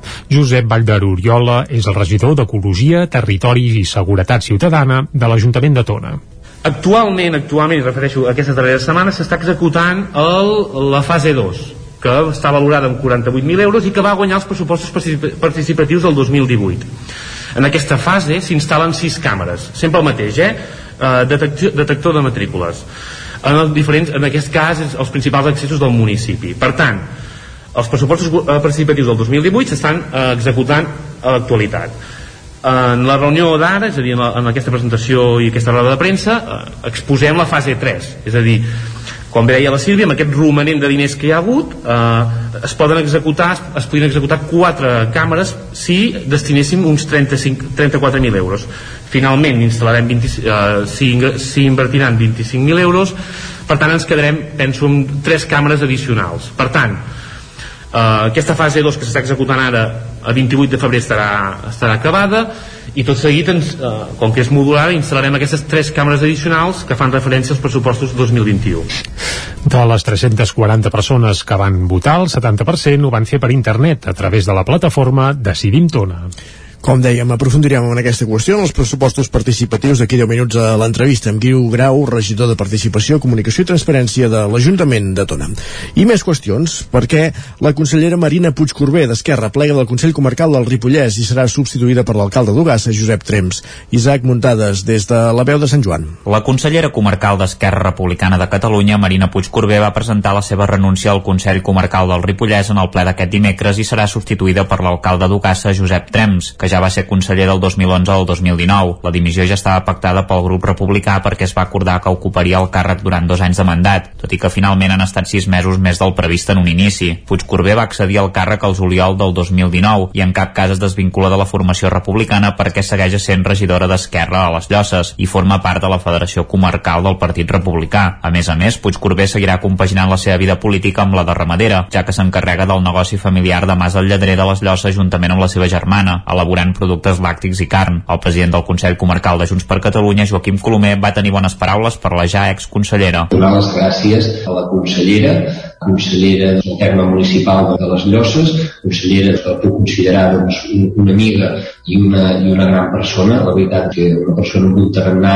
obert, sempre participatiu, amb una alegria que la caracteritza i per tant desitjar-li que tot vagi molt bé i, i molta sort i encerts a la seva vida dedicada també a una part important d'aquesta nostra comarca doncs, com és el sector primari que tants premis també doncs, ha guanyat doncs, a casa seva amb, amb la seva feina diària del dia a dia. Tal com va explicar el conseller republicà Sergi Albric, Puigcorbé va intentar connectar-se per acomiadar-se al plenari però no va poder per problemes tècnics. Quatre empreses del Lluçanès, una del Moianès i una de la Vall del Gès han investigat sobre nous productes amb els cupons Barcelona Smart Rural. Quatre empreses mm, agroalimentàries, doncs, del Lluçanès, una de la Vall del Gès i una del Moianès han comptat amb el suport dels cupons Barcelona Smart Rural per tirar endavant projectes d'innovació al llarg de les tres convocatòries que hi ha hagut entre els anys 2019 i 2021. Cada projecte ha rebut una mitjana de gairebé 2.600 euros que els han permès cobrir entre un 40 i un 80% del cost dels serveis d'assessorament. Dos dels projectes, els de Glòria Roig i el Mà Joanet de Pujols, estan en fase de producció. Els altres dos, de postres làctiques Santa Eulàlia i la Ginebreda, estan aturats perquè falta afinar el resultat final. Els cupons els promou l'Associació d'Iniciatives Rurals de Catalunya i compten amb finançament de la Diputació de Barcelona i el FEDER. Entre els projectes cofinançats n'hi ha dos més del Lluçanès, el de la Granja Escrigues, de Santa Maria de Merlès i Niu Verd de Sant Feliu Sasserra. Deixar-ho tot per viure una aventura sobre rodes és el que han fet els esportistes usonencs Sònia Colomo i Eloi Miquel, que aquesta setmana han començat a San Diego, als Estats Units, la ruta en bicicleta que els ha de portar fins a la Patagònia. Entre els últims èxits de Sònia Colomo de Manlleu hi ha la victòria a la Cross Andes, una prova d'ultraciclisme disputada entre Xile i l'Argentina el passat mes de desembre. I ara Colomo i Miquel s'han proposat travessar pedalant tot el continent americà des dels Estats Units fins a l'Argentina. La ruta l'aniran documentant a través de les xarxes, el perfil Willprint de Stories d'Instagram i també el canal que han creat ells mateixos a YouTube. L'objectiu és fer uns 13.000 quilòmetres passant per Mèxic, Guatemala, l'Equador i el Perú, tot i que l'itinerari podria variar a mesura que avancin, ja que asseguren que volen anar dia a dia. Els escoltem. Portàvem temps plantejant un viatge llarg, un viatge que, que pogués doncs, um, complir les expectatives a nivell de, de ciclisme i, i d'un any per l'altre doncs, ja cansats una mica de la rutina doncs vàrem, vàrem decidir a planificar aquest projecte i intentar descobrir món. Enduent tot el necessari però el màxim lleuger possible per intentar no modificar tant la dinàmica de la bicicleta. Una mica canviar el concepte que hi havia fins ara de cicloturisme d'anar amb les alforges grans i tal per anar una mica més lleuger Colomo i Miquel faran el viatge seguint el sistema de bikepacking, és a dir, portant molt poc equipatge i deixant la mínima petjada ecològica. Fa 10 anys, Josep Arumí va obrir les portes del màgic món del tren a Sant Eugeni de Berga, una de les instal·lacions de modelisme ferroviària més importants d'Europa. L'objectiu era donar a conèixer la seva col·lecció a aficionats aficionats al món del tren d'arreu de, del món i sobretot a les noves generacions. Durant aquesta primera dècada hi han passat més de 150.000 visitants. 1.500 màquines, 7.000 vagons i hores de dedicació incomptables. Aquest podria ser el balanç que deixa la primera dècada del màgic món del tren, una instal·lació dedicada al col·leccionisme i al modelisme ferroviari que va obrir ara fa 10 anys a Santa Eugènia de Berga. El seu responsable, Josep Arumí, col·lecciona trens Markling des de l'any 1984. La insistència d'amics i coneguts, però també de clients del restaurant que regenta el municipi, el van portar a impulsar un equipament que, segons Arumí, és un recull de peces que ha anat adquirint al llarg de la seva vida. L'escoltem. Mira, això Màgic del Tren ve de que eh, podríem dir que quasi bé tots els edificis de la maqueta són alemanys. Llavors nosaltres hem estat 22 anys eh, voltant per Europa amb autocaravana i què passava? Allà on anàvem compràvem records. Doncs la maqueta està farcida de records dels viatges que fèiem. Per això això és un món màgic, això és un món que tot el que hi ha aquí existeix a la realitat, però aquí està tot barrejat com si fos un somni. El Màgic Món del Tren arriba al desè aniversari consolidant-se com a un dels equipaments de modelisme ferroviari més importants d'Europa, malgrat la frenada, la frenada que ha suposat l'esclat de la pandèmia des que va obrir i han passat ja més de 150.000 visitants. Josep Arumi. Més de 1.000 metres quadrats d'exposició, ara tenim tota la col·lecció dels pòsters de Núria que els ferrocarrils de la Generalitat ens ha proporcionat i penso doncs que és una excursió que val la pena. En plena irrupció del món digital i les noves tecnologies en el joc infantil, l'Arumí reivindica el paper de les joguines clàssiques i d'una afició que assegura es podria acabar perdent. Doncs arribats a aquest punt acabem aquest butllet informatiu que començàvem a les 10, moment de conèixer la previsió meteorològica.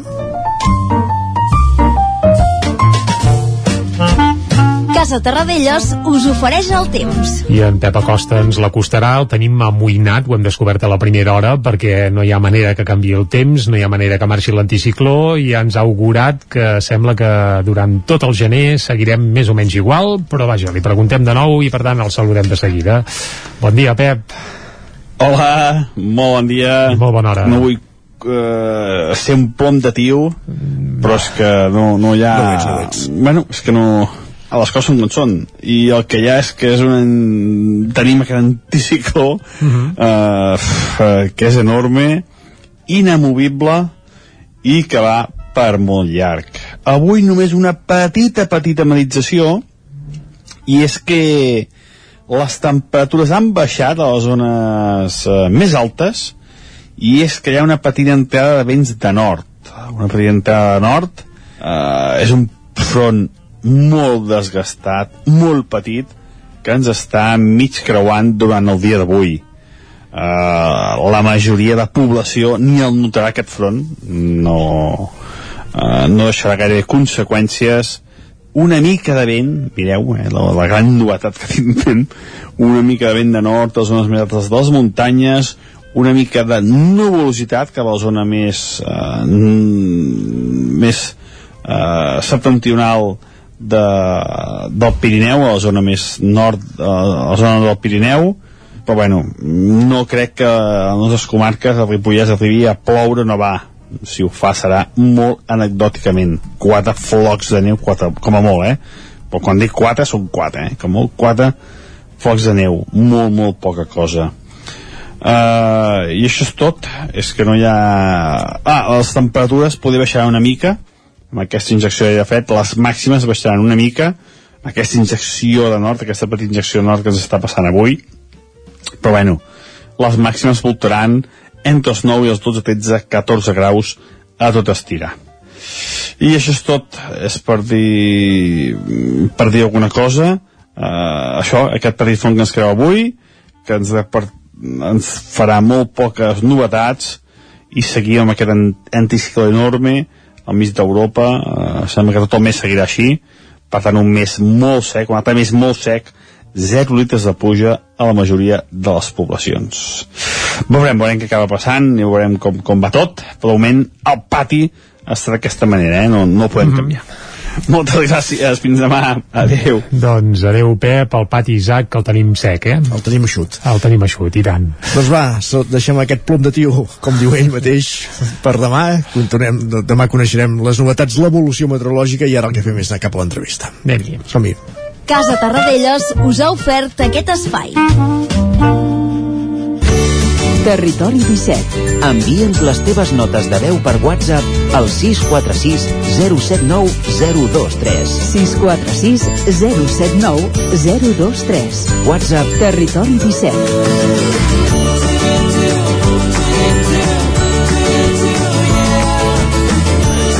Territori 17. Som a Facebook, Twitter i Instagram amb l'usuari Territori 17.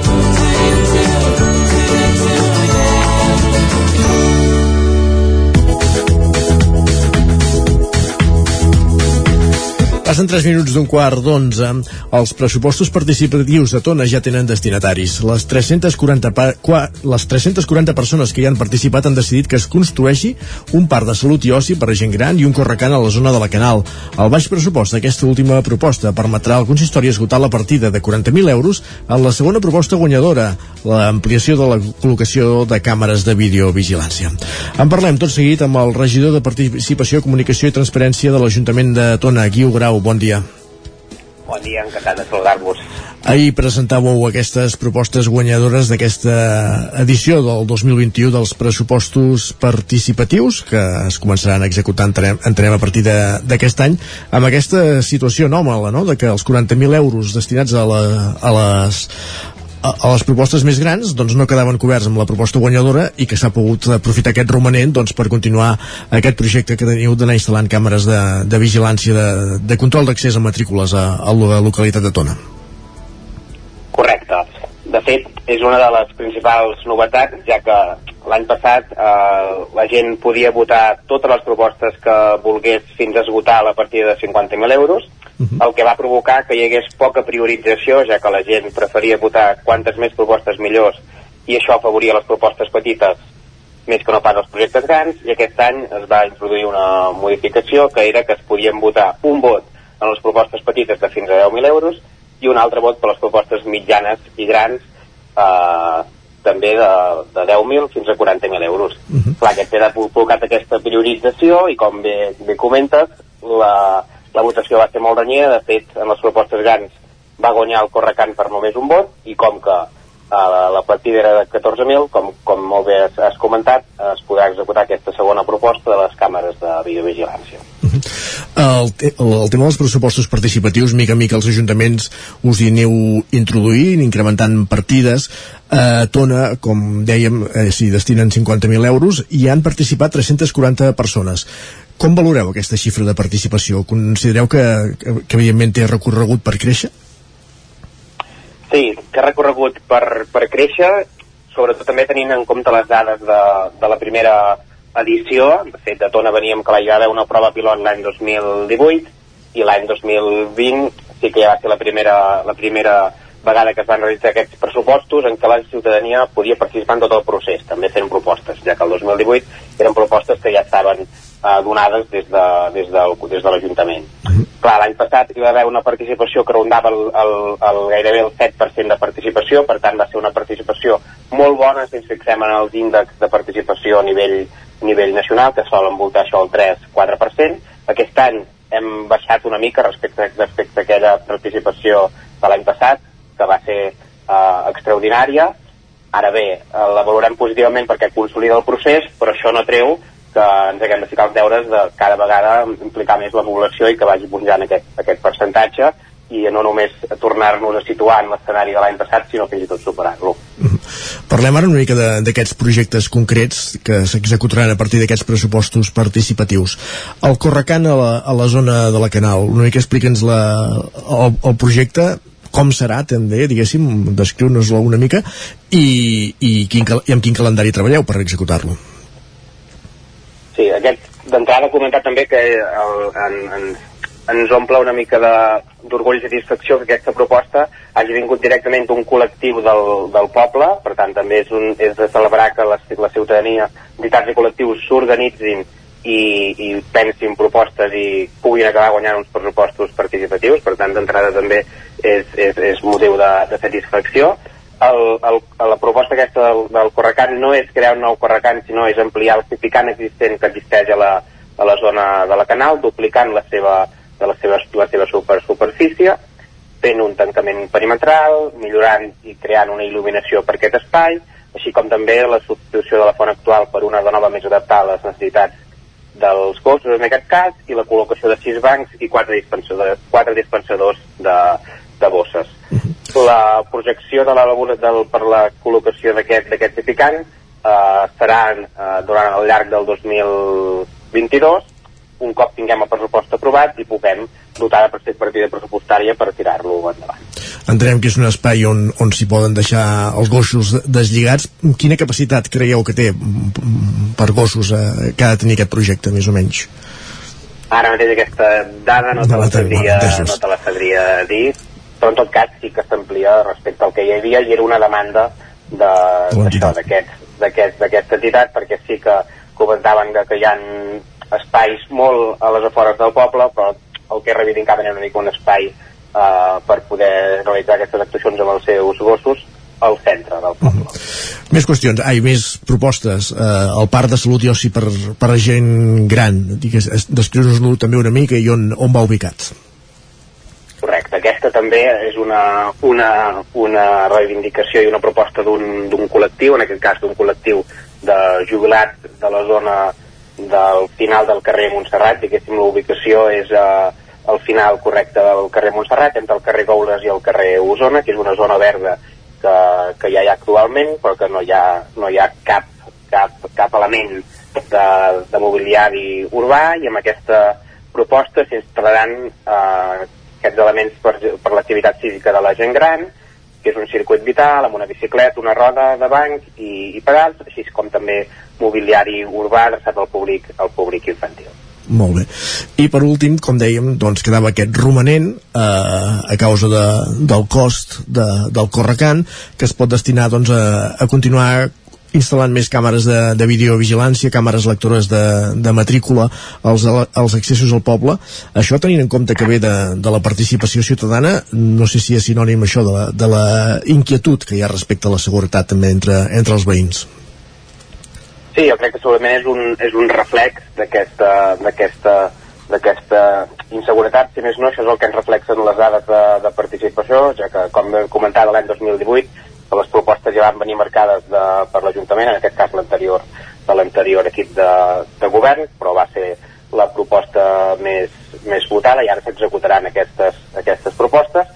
I la nova proposta que va arribar contemplava una següent fase d'aquesta implementació d'aquest projecte de càmeres de vigilància i sí, sí, les dades ens remeten que va quedar tan sols un vot, per tant eh, entenem que és una problemàtica de la, de la ciutadania i també des de l'equip de govern en fem una lectura que poden, poden servir, diguéssim, per exemple, per una de les problemàtiques que també tenim creixents al municipi, que és l'incivisme, que de fet ara estem ja a punt d'engegar una campanya que es titularà Activem el civisme, que anirà en aquest sentit per conscienciar la població sobre aquesta problemàtica que realment sí que és realment molt, molt preocupant i l'hem d'atacar per evitar aquest, aquest incivisme i tenir un, un poble net i, i tranquil i sense, actes, sense aquests actes incívics que ens escandalitzen però que existeixen malauradament. Sentíem abans de les notícies el, el regidor d'Ecologia, Territori i Seguretat Ciutadana, Josep Vall d'Oriola, eh, explicant que possiblement amb aquest pressupost es podran instal·lar tres càmeres. Teniu definit clar on podran, podrien anar col·locades? Sí, aquesta, aquesta següent fase contempla la col·locació d'aquestes càmeres al carrer Taradell, carrer de l'Estació, carrer Bonavista i una quarta al camí del Vilar, que és la que segurament, com que hi ha hagut aquesta reducció, no es podrà, no es podrà executar. Perfecte. Doncs Guiu Grau, regidor de Participació, Comunicació i Transparència de l'Ajuntament de Tona, gràcies per ser avui al Territori 17 per aprofundir en aquest aspecte amb els pressupostos participatius. Moltes gràcies a vosaltres. Fins la propera, bon dia. Bon dia.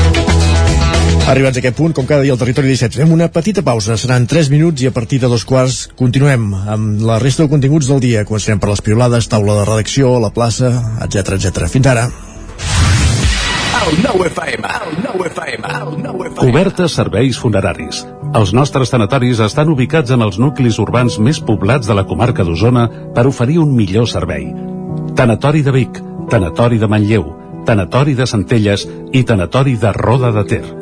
Sabem que són moments difícils i per això el nostre compromís és atendre-us en tot moment amb un tracte humà, sensible i respectuós. Cobertes serveis funeraris. Telèfon 24 hores 93 883 23 46. Les males herbes no et deixen veure-hi clar? Amb Sebastià Vivet això s'acabarà. Desbrossaments forestals de finques i terrenys, treballs d'hort i boscos amb tractor, tallem gespa a l'engròs, som professionals i tenim tota la maquinària necessària. Truca'ns al 636 24 22 85. Sebastià Vivet, preparats pel que calgui. Saps què és el confort intel·ligent? És tenir un terra radiant Giacomini a casa. Benestar que no es veu, però es nota tot l'any. I que pots controlar a distància des del teu mòbil, estalviant energia i diners. Suma't al confort intel·ligent amb Giacomini. Informa't a giacomini.es o truca al 93 884 1001 i t'ajudarem a tenir un terra radiant a casa o a l'oficina. Giacomini, la climatització que et mereixes. Acadèmia d'Arts Marcials Vic, arts marcials per totes les edats. Fem arts marcials tradicionals i esports de contacte. Treballem en diferents nivells, tant si vols competir com si només vols entrenar i passar-ho bé. També fem classes als matins i com a nova activitat, boxa infantil a partir del gener. Acadèmia d'Arts Marcials Vic. Ens trobaràs al carrer de Figueres número 10 i artsmarcialsvic.com. A la rostisseria El Plat ens agrada la cuina de sempre, la de les àvies i de les mares. La cuina feta amb paciència com s'ha fet tota la vida. Vine a provar els nostres canelons gruixuts o els croquetons, les nostres croquetes de 80 grams. I recupera el gust del pollastre las com els que es menjaven abans. Ah, i aprofita, fins a finals de febrer, 20% de descompte en els canelons i el pollastre. Rostisseria El Plat, encàrrecs fins a les 12 del migdia i servei a domicili. Ens trobaràs de dijous a diumenge al carrer Església número 6 de Taradell o al 93 130 35 58 85. Cocodril Club. Si t'agrada la bona música dels anys 60, 70 i 80, escolta el 9 FM als matins de dissabtes i diumenges d'11 a 1. És el temps del Cocodril Club, tot un clàssic de la ràdio, amb les bases del pop-rock, les llegendes, les cançons que s'han convertit en autèntics himnes. Recorda, dissabtes i diumenges al matí, d'11 a 1, al 9 FM 92.8. Cocodril Club, el programa revival de l'Albert Malla. Hasta luego, cocodrilo. El 9 FM, el 9 FM, el 9 En punt dos quarts d'onze al territori 17.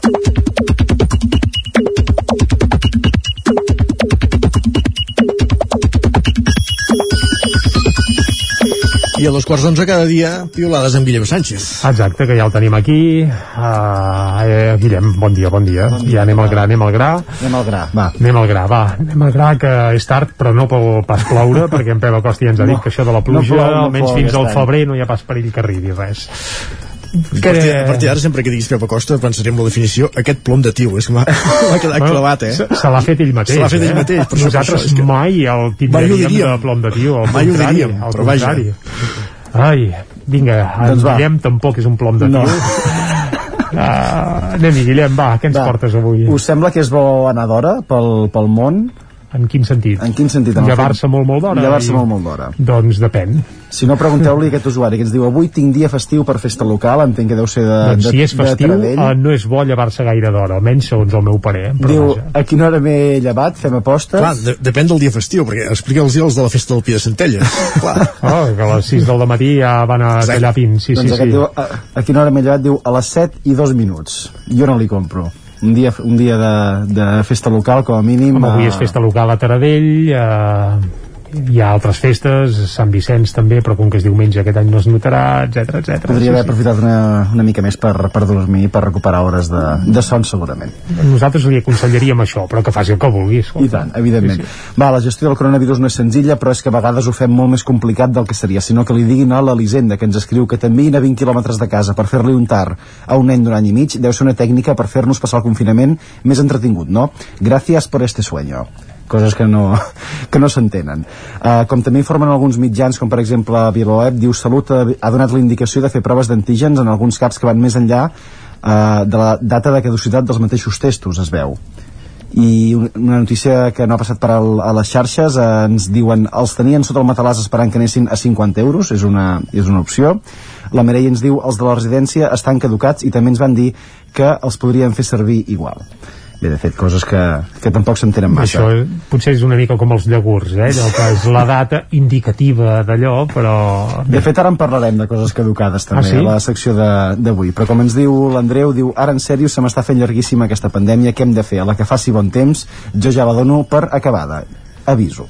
Uh, fer previsions a mig termini sobre la pandèmia ja s'ha demostrat És darrers complicat. dos anys que no serveix per res, però vaja, ell que... Ell ja feliç, està, ell ja és està feliç, endavant. I tant, i tant. Va, i parlant de coses caducades, la nana ens avisa a tothom que es pugui veure afectat per aquestes situacions. Diu, sapigueu que si veniu a casa meva a dinar he utilitzat pebre, i és pebre caducat del setembre del 2020. El pebre no passa res com l'alcohol, home, que si és bo no caduca. De fet, en José i en Cesc li responen, diu, això no caduca mai, tinc el Ah. rebost. Coses pagades amb pessetes, aquesta és la primera, i en Cesc li diu, jo encara tinc pebre comprat a Egipte l'any 2008 que no sé si és massa o... No, o jo crec que és, és això, el bon alcohol, les bones espècies, les herbes, si es guarden bé i són naturals, jo crec que... Exacte. Ha, has fet un apunt important, eh? Els si es guarden bé. Sí, ah, clar, això també cal, cal tenir-ho uh, en compte, En és compte. evident, és evident. Uh, Jordi Isaac, sou d'anar al gimnàs vosaltres? No. no? No n'he trepitjat mai cap. Ho, pre ho, pregun ho pregunto perquè això que ens escriu en Xavier no sé Ja si, es és, veu, no? si és molt normal o no. Jo aquí no hi entro. en Xavier ens Què diu, diu en Xavier, va? diu, un tio amb texans ha vingut al gimnàs, ha aixecat 150 quilos amb pres banca, que no sé què vol dir, i ha marxat. Així de, de fàcil. No, no era ni jo ni l'Isaac, em sembla, No, jo que que ben no. asseguro. El dels texans sí que en gastem, però gimnasos jo no en gasto pas gaires. Va, i ara un d'aquells tuits que ha tingut continuïtat avui. Escolteu, l'Ernest ens escriu Hola, sí, sóc jo, el pare a qui tots heu mirat aquest matí amb sorpresa mentre arrossegava un nen en pijama i descalç pel carrer, que m'estirava, cridava i plorava. Estava acompanyant a la germana a l'escola. Normalment no ho fem així, procurarem ser més ortodoxes, a veure què tal demà.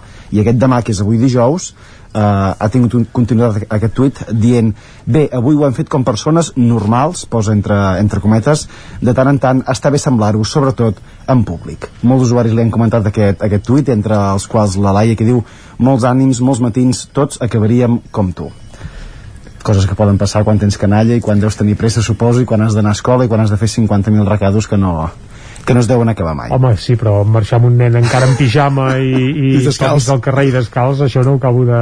El deurien haver avisat per això a casa, suposo, eh? que, que, es, que es, es vestís i fes tot el que havia de fer, però segurament Clar, i després no. a l'escola agafen coses, clar, si van descalços i en pijama és que la Covid és el mínim que pots agafar, però Va, vaja. I per acabar, tots hem tingut aquesta sensació algun dia, tots som Guillem Freixa, que ens escriu busques aparcament durant molta estona, veus un forat en un aparcament amb bateria, el cor se t'accelera, ja ho tinc, i quan hi arribes apareix encaixonat un Twingo al fons de la plaça. Molt bon dia. Si digues un Twingo, digues un 107, sí, sempre hi ha un d'aquests. Quin clàssic, sí, sí, aquí sí que ens hi veiem reflexats, I més ens- que no pas amb el del gimnàs. I ens, ja. I ens hi sumem tots. Esperem que hagi trobat aparcament, eh, en Guillem, que em sembla que ja el teníem... el Sí, jo l'he vist aquest matí, per tant, Sí, sí, perfecte, sí, doncs sí. ja està. doncs uh, amb bateria al costat del Twingo segur que no, però algun altre forat deu haver trobat. Guillem, moltes gràcies, eh? Fins demà. Fins demà. Va, vinga, i ara fem un cop d'ull a les portades del 99.cat. Comencem al Vallès Oriental, on eh, obren portada explicant que els hospitals vallesans registren la xifra d'ingressats per Covid més alta des del novembre de 2020. Per tant, evidentment, la pandèmia que no dona treva. També pla a Cardedeu per millorar el coneixement dels residus i també una concentració reuneix uns 600 vehicles de matinada al polígon Can Terrés, a la Garriga. Carai. Uh, i a més uh, ahir encara hi havia recordem un toc de queda a partir d'avui Ja no. de, des d'avui mateix ja no anem cap a l'edició d'Osona i el Ripollès del 99.cat el titular principal per al Ripollès que vol regular l'accés motoritzat als espais naturals també en marxa la reforma de l'espai d'aterratge per a helicòpters a l'Hospital de Vic en vam parlar fa uns dies aquí mateix a Territori 17 i que advocats d'Osona insten el govern espanyol no, el govern català a requerir a l'executiu estatal que investigui la relació del CNI amb els atentats del 17 d'agost perpetrats per, entre d'altres, doncs, gent de Un Ripoll. comando Ripollès. Exacte. Doncs gràcies, Jordi, i moment d'entrar a la taula de redacció. Anem-hi.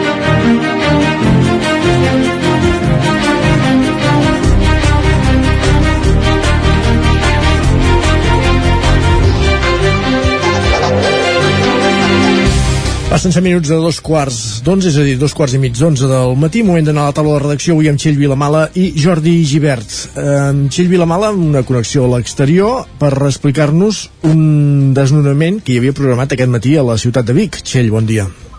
Hola, bon dia, Isaac. Finalment Uh, no s'ha executat, eh? Uh, de moment no s'ha executat i sembla que no s'executarà, tot i que continuem aquí a peu de carrer uh, per assegurar-ho. Perquè uh, es, es tracta, som al passeig de la Generalitat, Sí. el cas és el d'una família, uh, pare, mare i quatre fills menors d'edat, a més a més ens explicaven ara uh, que estan afectats per la Covid, i tenien el tercer avís de desnonament, és a dir, uh, ja havien passat uh, dos talls més en què es presenta només la comitiva judicial i s'intenta mediar, i en aquest cas el tercer sí que s'esperava que hi pogués haver Mossos d'Esquadra per executar-lo sí o sí, com fos. Quan hem arribat ja hem vist que no hi havia policia eh, i llavors en les comunicacions que hi ha hagut ara eh, ens comentaven això, que segurament quedarà suspès. El que no sabem a hores d'ara encara és si per una data propera, eh, si el procediment quedarà, a vegades es diu obert sense data, que vol dir que el jutge en qualsevol moment eh, pot ordenar que s'executi aquest desnonament i llavors eh, no hi ha comunicació prèvia com era el cas d'avui. Per tant, continuem aquí una mica l'expectativa de, de veure si podem acabar de confirmar aquesta informació. Com és habitual, la plataforma d'afectats per la hipoteca, eh, part dels seus membres, ha reunit eh, una trentena de persones eh, per fer força i intentar evitar que, que es produeixi el desnonament. Uh, L'ambient és aquest, ara mateix, el dels activistes de la PA uh, davant de- d'aquest, de, de l'immoble on s'havia de fer el desnonament? Exacte, sí. Uh, hi ha més o menys una trentena de persones, també alguns regidors uh, de Capgirem Vic, uh, i això, esperant, aviam si podem confirmar de segur que de moment, almenys avui, queda suspès aquest avís. la comitiva judicial per això se l'ha vist? Se sap si ha, ha pujat a l'immoble o no? No ha arribat a pujar a l'immoble, sí que hi havia uh, dos representants, uh, també hi havia alguns agents de paisà i han parlat amb els Mossos d'Esquadra, però han marxat uh, amb, dient això, que s'havia suspès i de moment uh, aquí no hi queda ningú uh, del jutjat. Passa que uh, els, dels, els activistes de la plataforma d'afectats per la hipoteca estan en contacte amb els serveis d'habitatge de l'Ajuntament de Vic i estan esperant ara uh, la confirmació que oficialment doncs, ha quedat suspès i que no s'executarà d'aquí una estona. Perfecte, Txell, doncs moltíssimes gràcies per aquesta última hora, com dèiem des del passeig de la Generalitat de Vic, on hi ha previst aquest, on hi havia previst avui un desnonament, finalment semblaria doncs que per ara no, avui no, no s'acabarà executant, però veurem, mantindrem la guàrdia, veurem com evoluciona els fets al llarg de, del matí. Moltíssimes gràcies. Gràcies, Isaac, bon, bon dia. dia.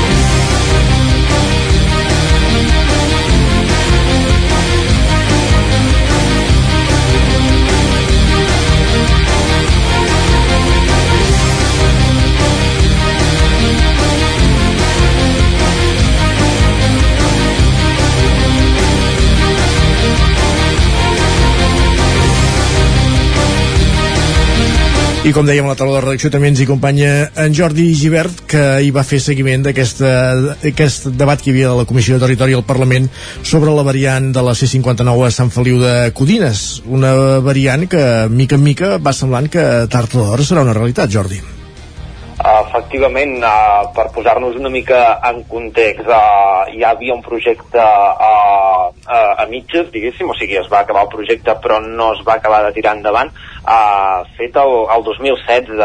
Doncs aquesta comissió de territori del, del Parlament, a, a, a petició del Partit Socialista de Catalunya, uh, va presentar una moció uh, demanant que recuperés aquest projecte, que s'actualitzés i que, i que es busquessin uh, el pressupost necessari per tirar-lo endavant i començar a licitar les obres al primer semestre de, de l'any que ve.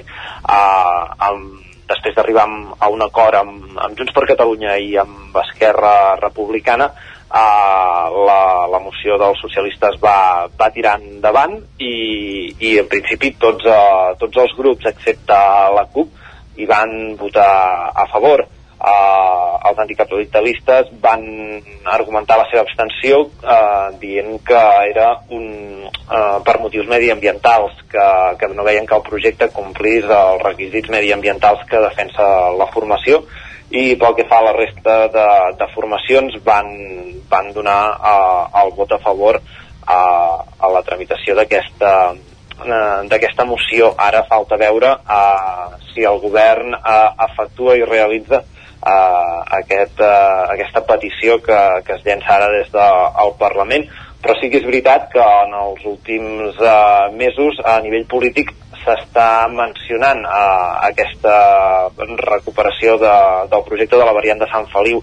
Ja quan es va presentar al desembre eh, el, el tram de, de reforma de la C-59 entre Sant Feliu de Codines i Mollà Uh, va sortir el tema, des del govern deien que de moment no hi havia el finançament necessari per poder uh, tirar endavant aquesta, aquesta obra, que calculen que costaria uns 30 milions d'euros, només la, la, variant, la variant de, de Sant Feliu, i també ha sortit en negociacions de pressupostos. El PSC la presentava als pressupostos de la Generalitat, uh, Junts per Catalunya ho presentava uh, en els pressupostos de la, del govern espanyol i, i aquí hi havia també una mica de, de la picabaralla política no? entre els diferents partits que en, en alguns eh, espais hi votaven a favor i d'altres eh, en contra. És el cas de, del Partit Socialista que en el, eh, ho defensava aquí a Catalunya mentre eh, a l'Estat eh, va tombar aquesta moció de, de Junts per Catalunya.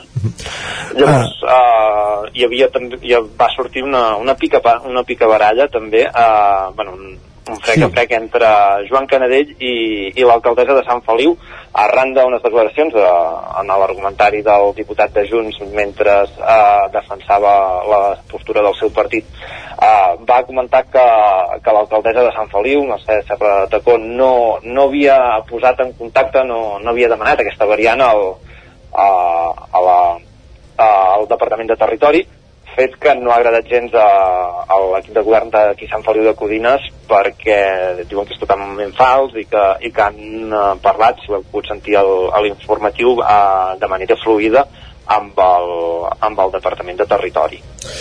Evidentment, sí, sí, és un intercanvi dialèctic, com deies, entre Joan Canadell i, i l'alcaldessa de, de Sant Feliu eh, s'aprova aquesta moció és evident que és una mostra de voluntat política però clar, faltarà plasmar-ho eh, en uns pressupostos i garantir-ne el finançament els pressupostos d'aquest 2022 encara no hi consta aquesta variant veurem si en els següents exercicis doncs, li, li fan constar i aquesta moció es queda només en eh, eh, passa no només de, de voluntat o de, de compromís sinó a, a realitats Efectivament. Moltíssimes gràcies Jordi per ser avui també a la taula de redacció. A vosaltres. Bon dia. I ara el que farem tot seguit al territori 17 és endinsar-nos a la plaça amb la Maria López des de Ràdio Televisió, Cardedeu i a Mons.cat.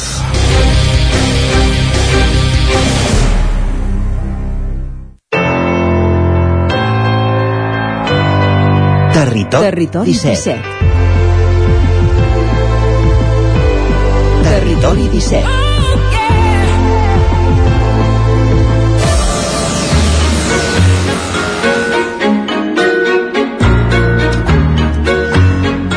Pas un minut de tres quarts d'onze aquest matí, quan espiàvem el guió de la Maria López, ens hem quedat amb aquest concepte de la teràpia financera i ara a l'espai de Nova Economia, a la plaça, és el moment de, de descobrir què s'hi amaga darrere aquest concepte. Maria, bon dia. Bon dia, Isaac. Què és això d'espia guions, eh? Ah, no, això ara tot aquí, mira, els posaré, me'ls bloquejaré tots perquè no em facis d'espia. D'acord. Bàsicament és per poder, preparar, si no- per, per, per poder preparar una mica de sumari, bàsicament. Fem. Molt ben fet, així ara no em deixes que et doni la sorpresa, però bàsicament sí, avui toca, toca des de la plaça, aquest espai compartit, on intentem aterrar alguns conceptes de la nova economia per fer-los comprensibles per tothom.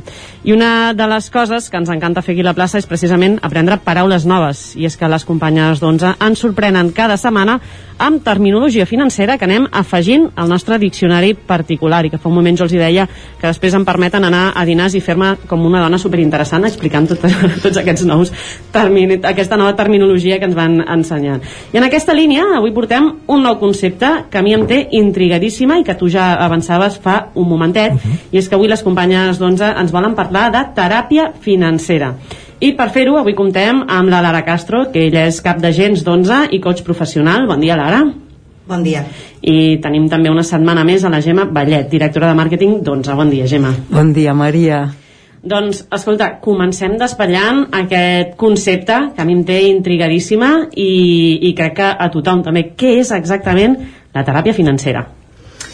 Doncs mira, per resumir-ho molt, et diria que la teràpia financera és una teràpia que basada en el vincle que tenim amb els diners. És a dir, tots els éssers humans tenim una sèrie de vincles amb una sèrie de coses diferents a la vida, però una de les coses més importants de la nostra vida i del nostre entorn és, eh, són els diners, perquè amb ells doncs, comprem les coses que volem, tenim el nivell de vida que volem, i la teràpia financera aborda um, aquest vincle, quan aquest vincle no està ben alineat amb el que tu vols a la vida, no? quan el teu, el teu vincle amb aquests diners o aquesta relació que tens amb els diners d'alguna manera impacta negativament amb la teva realitat. Posa'm un exemple, o sigui, necessito això baixar-ho a la, a la, a la, baixem-ho a la plaça, no? Posem Vale. un exemple real. Doncs mira, baixant-ho a la plaça et podria comentar que hi ha molts escenaris on la teràpia financera podria ser d'utilitat. Um, però et poso un molt senzill. Uh, persones que tenen uh, la- la- l'hàbit de fer compres compulsives Mm. perquè millor no controlen aquest, aquest, aquest moment de compulsivitat no? I, fan, i, i de sobte es troben amb, amb 20 compres fetes a Amazon eh, tendes de roba, etc etc. i realment no saben el per què què hi ha darrere d'aquesta compra compulsiva no? i clar, què passa? Que quan fas compres compulsives eh, això impacta negativament a les teves finances perquè millor no tens els diners necessaris per fer aquelles compres però aquesta acció que t'ha fet fer aquestes compres ve de molt més enllà. I aquest més enllà és en el, en el que es centra la teràpia financera. Entrem en psicologia pura i dura, oi? Vull dir, al final no deixa de ser un per què tinc aquesta necessitat de comprar, que a més em sembla que avui dia segurament és molt més habitual que abans, no? Bueno, absolutament. De, pensa que de, darrere de totes les accions que fem els éssers humans hi ha psicologia, perquè som éssers amb un cervell emocional, amb un altre cervell lògic, més racional, i moltes coses que fem realment no les entenem, perquè moltes de les decisions que prenem passen per circuits inconscients, ni tan sols són conscients. Però si, si algunes decisions que prenem o algunes coses que fem passen per aquests circuits inconscients i impacten negativament en algun ambient de la nostra vida, això s'ha de tractar. I si és un tema relacionat amb els diners, llavors és escenari de teràpia financera. Podríem incloure aquí també, per exemple, eh, el fet de, en una unitat familiar, qui guanya més o qui gasta més? Absolutament. Um, la teràpia de parella financera és un dels escenaris que també es tracta. És teràpia de, o sigui, ja parlem de teràpia de parella en aspecte financer. Eh? Bueno, es, es, es tracta de, de, de problemàtiques financeres que impacten a la parella. O sigui, quan tu vas a una teràpia financera perquè tu la necessites, pots necessitar-la tu sol o pots necessitar-la en parella perquè aquelles decisions en parella estan impactant negativament en la teva relació amb el teu company o companya. Uh -huh. Per tant, sí, hi ha moltes parelles que, per exemple, compartir, el que, el que es porta ara molt, que és compartir el compte eh, corrent, no? Llavors, en aquell compte corrent hi ha unes finances que venen de les dues vessants, de les dues parts, d'ella i d'ell, o d'ella i d'ella, bueno, el que sigui la parella. Clar, què passa? Quan, inclús, i, i ara et diré una cosa que et quedarà sorpresa, quan es fan gastos d'aquell compte corrent que no estan validats per les dues parts de la parella, eh, s'interpreta com una infidelitat financera. Com et quedes? M'encanta, m'encanta el concepte. és brutal, una infidelitat financera és d'alguna manera jo em gasto dels diners en comú una cosa sense consultar-t'ho. Clar, o simplement nosaltres havíem fet eh, una planificació financera i tu surts d'aquesta planificació financera. O simplement les nostres conductes són tan diferents que tu tens una conducta de gastar eh, compulsivament i jo no, i això clar, òbviament si compartim compte comú això m'està afectant a les meves finances personals, per això em crea un problema de parella i això es tracta també en teràpia financera. Super interessant. El, pel que fa, per exemple, no, aquestes compres compulsives que, que posaves abans l'exemple, eh, podríem dir que hi ha un denominador comú de per què eh, una persona pot tenir aquesta necessitat de comprar constantment o ja ens hem d'anar a analitzar cada individu quin motiu li porta aquesta compra? En tema de psicologia sempre és un tema personal i individual. Bàsicament, eh, les, les problemàtiques que et porten a teràpia són tan personals. Per què? Perquè tot el que has viscut tu com a persona anteriorment, des de les creences, des del que has après de la família, des del que aprens de la societat, les relacions que has escollit, els llibres que escolls llegir... O sigui, és, és tota una sèrie d'eleccions que et porten a tenir una personalitat i aquesta personalitat s'ha d'analitzar molt individualment en el moment de poder tractar però no només en teràpia financera, en qualsevol tipus de teràpia Uh -huh. Qui pot aplicar teràpia financera? Els professionals que apliquen teràpia financera són professionals que venen de la vessant de la teràpia i de la vessant de les finances. És a dir, és, a dir, és algú que porta aquestes dues, eh, d'alguna manera, motxilles i que són capaços d'ajudar en, en aquestes problemàtiques que només tenen a veure amb els diners, tot i que, com ja hem parlat, les problemàtiques que tenen a veure amb els diners probablement quan comences a estirar del fil et surten problemàtiques derivat de creences que has de deconstruir per poder construir una relació molt més sana, en, en aquest cas amb els diners.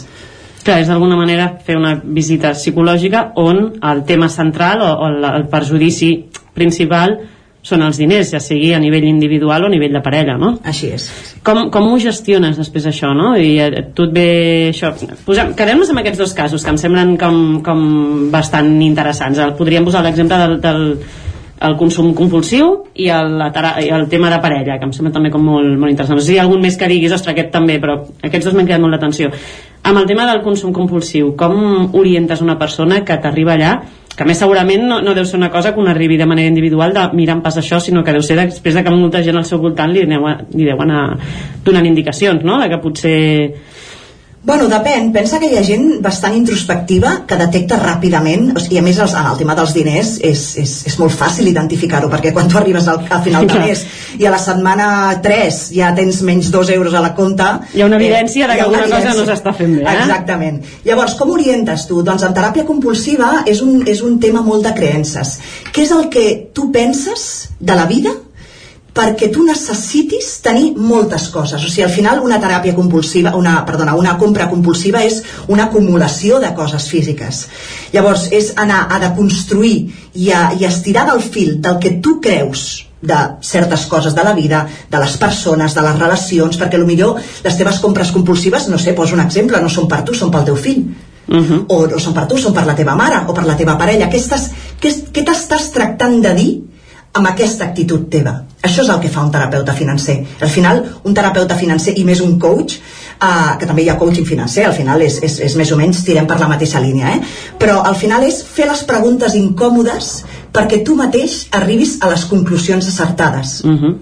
Aquí, d'alguna manera, eh, amb això que deies ara, m'ha vingut al cap a, una de les, les tertúlies que fem del racó de pensar, un dels temes eh, habituals que ha sortit en temes d'educació família, ha sigut el tema de com, d'alguna manera, moltes famílies, hi ha hagut tendència, sobretot actualment, a suplantar o equiparar el sentit de culpa de la falta de dedicació de temps als fills, per exemple, amb, la, amb, amb donar-los tot el que demanen, o pràcticament tot, no? amb equilibrar-ho a nivell de compres, a nivell de regals, podria ser d'alguna manera també una problemàtica a atendre en teràpia financera? Totalment, totalment. Um, el fet de que tu gastis diners d'una manera, manera potser massa, no? perquè està bé comprar un regal, però quan en compres 20 Uh, I a més a més no tens temps de dedicar-li personalment als teus fills o a la teva mare o a la teva família, llavors aquí ja, ja és un triangle que s'ha de mirar amb lupa, no? Exactament què és, el que què, què és el que li estàs dient al teu fill quan tu li compres 20 regals avui i després de, de 10 dies li compres 10 més?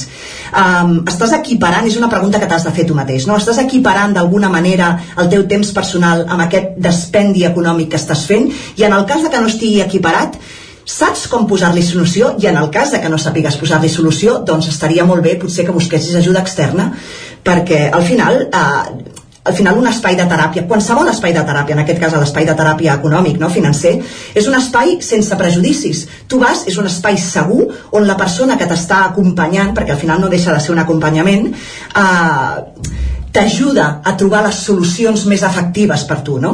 I t'ajuda a saber d'on ve, perquè a lo millor quan tu, sàpig, quan tu sàpigues d'on ve aquesta problemàtica o per què estàs fent el que estàs fent, pots canalitzar-ho molt millor. Aquest és l'objectiu de la teràpia sempre. Anem a l'altre exemple, que era aquest, el, de la, el tema de parella, més aviat aquesta eh, incongruència d'alguna manera eh, amb el que fa qui aporta o qui gasta o gastar sense, sense consultar-ho què, ens, què, què et sols trobar darrere no? quan, quan trobes una parella en aquestes situacions? Doncs quan, quan, hi ha, quan hi ha problemàtiques de parella envers els diners, eh, una de les coses bàsiques que s'han de fer és eh, ajuntar-los en el coneixement de l'un i de l'altre i de les necessitats de l'una i de l'altre i a partir d'aquí establir una sèrie de consens, com en tota parella eh? però quan es tracta de diners que és molt més visible el consens és molt important és a dir, tu i jo som parella, tu t'estàs gastant molts diners que més són meus perquè compartim el compte corrent, jo no estic d'acord amb aquest dispendi de diners, anem a arribar a una sèrie de consensos. Per què tu necessites això? Què és el que t'estàs dient amb tot això i què li estàs dient a la parella? I lo millor no t'has donat compte de que això m'està afectant negativament a mi i com m'afecta. Llavors, és comunicació eh, eh, sense parar. Jo, jo em comunico amb tu i et dic escolta, t'estàs passant de gastar diners perquè quina necessitat tenim? O, o les típiques parelles que una d'elles omplen la casa de coses mm, inútils simplement perquè, bueno, i, i, i torna a lligar-se amb les compres aquelles compulsives de mm, vaig a posar bonica la casa però a veure, no necessitem dos rellotges o no necessitem 4.000 quadres. Com està impactant tot això? Llavors eh, hi ha, hi ha, molta, hi ha molta, molt, molt desconeixement de la parella per què? perquè la comunicació no està a l'ordre del dia avui, avui en dia o sigui, comunicar-te amb la parella si apenas la veus sí, i a més hi ha la creença de que quan menys la veus millor et va saps? quasi bé llavors és, és bàsicament l'arribar a aquest coneixement i aquesta comunicació fluida on puguem entendre'ns i puguem veure com les meves decisions t'afecten a tu també estava pensant tot això que deies quanta gent arribarà avui a casa i dirà carinyo tenim un problema de teràpia financera quan estàs fent aquesta aplicació explicació dels rellotges i tal, i que, que és que deu haver tanta gent que diu, soc jo, saps? Vull dir que t'estàs estàs sentint això i dius, en realitat, és, i sobretot en el tema del consum aquest compulsiu, no? Crec que és, és molt més habitual del que, del que podem imaginar, no? Aquesta necessitat de tenir algú nou de manera quasi periòdica per anar compensant doncs, certes il·lusions o, o el que sigui. Fins a quin punt és important que aquesta teràpia la faci una persona amb aquest coneixement de finances? Però suposo que hi ha gent que s'ha de preguntar potser aquest tractament el pot fer qualsevol psicòleg, però estem parlant d'una teràpia concretament amb coneixements de finances darrere. Bé, tu has, de saber, tu has de saber de finances bàsicament perquè has de saber de tants per cent de, per, per poder calcular exactament perquè si tu guanyes el 100%, d'acord? I et gastes el 40% en tonteries i coses que no necessites, potser és un, és un tant per cent descompensat. També has de saber de finances perquè millor t'estàs gastant diners en una cosa però has de saber de limitacions. Jo haig de saber acompanyar-te per, per decidir amb tu si tens pocs diners com decidir a on gastar-los per, per treure'n profit potser. Pues, a lo millor la teva problemàtica és que tu necessites que t'augmentin el sou. No és que tinguis un problema. que aquesta problemàtica la, la tenim tots. No? Ja, ja, ja. Però jo haig haig de tenir un coneixement bàsic de finances perquè al final el tema dels diners és tan sensible que, que haig, de, haig de ser d'alguna manera expert en, en economia per poder acompanyar-te, a més a més sense que tu et sentis prejutjat i sense, sense que tu et sentis atacat no? dintre de la pròpia teràpia, de, de que puguis d'alguna manera sentir que tens aquestes dues vessants, que aquesta persona m'entén, però a més a més en sap d'economia, en sap de finances, em pot ajudar. És que no, no li veig el sentit a tenir un psicòleg financer que no sàpiga el que, quines són les fonts d'inversió o quines, que, que no sàpiga quins són eh, el tant per cent de salari que tens que estalviar al cap del mes per poder arribar a una estabilitat financera, totes aquestes coses les has de saber. Funciona la teràpia financera? Posa'm un exemple. La teràpia, la teràpia, punt, sempre funciona. Ara, també t'haig de dir que com qualsevol tipus de teràpia, funciona o no funciona depèn del teu compromís que tinguis a nivell personal, perquè jo puc anar a, un, a la teràpia, qualsevol sigui, en aquest cas de financera, i no tenir aquest compromís de realment estar segur de que vull canviar alguna cosa, llavors ja puc fer 40.000 milions de sessions de teràpia, perquè és que realment no em funcionarà. Um, no et podria posar cap exemple en concret.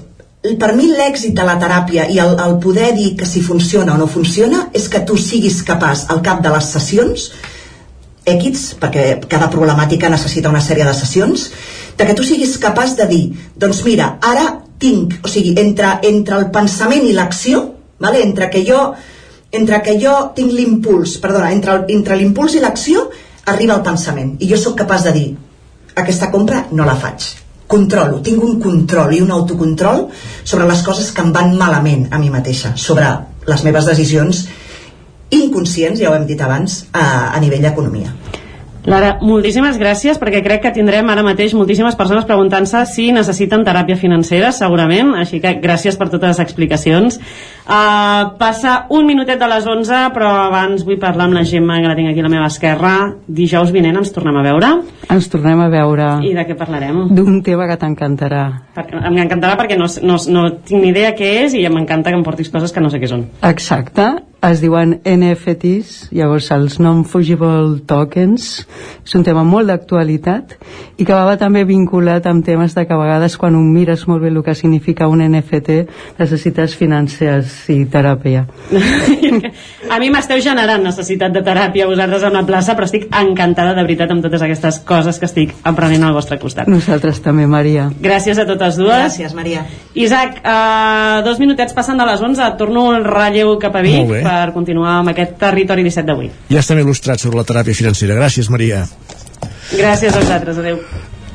Doncs aquí arribats a aquest punt, quan passen gairebé 3 minuts del punt de les 11, és moment d'actualitzar-nos amb més notícies al territori 17, després de conèixer aquest concepte, la teràpia financera. I, i amb si més d'un ens l'hem d'autoaplicar. Som-hi. Territori 17, amb Isaac Moreno i Jordi Sunyer.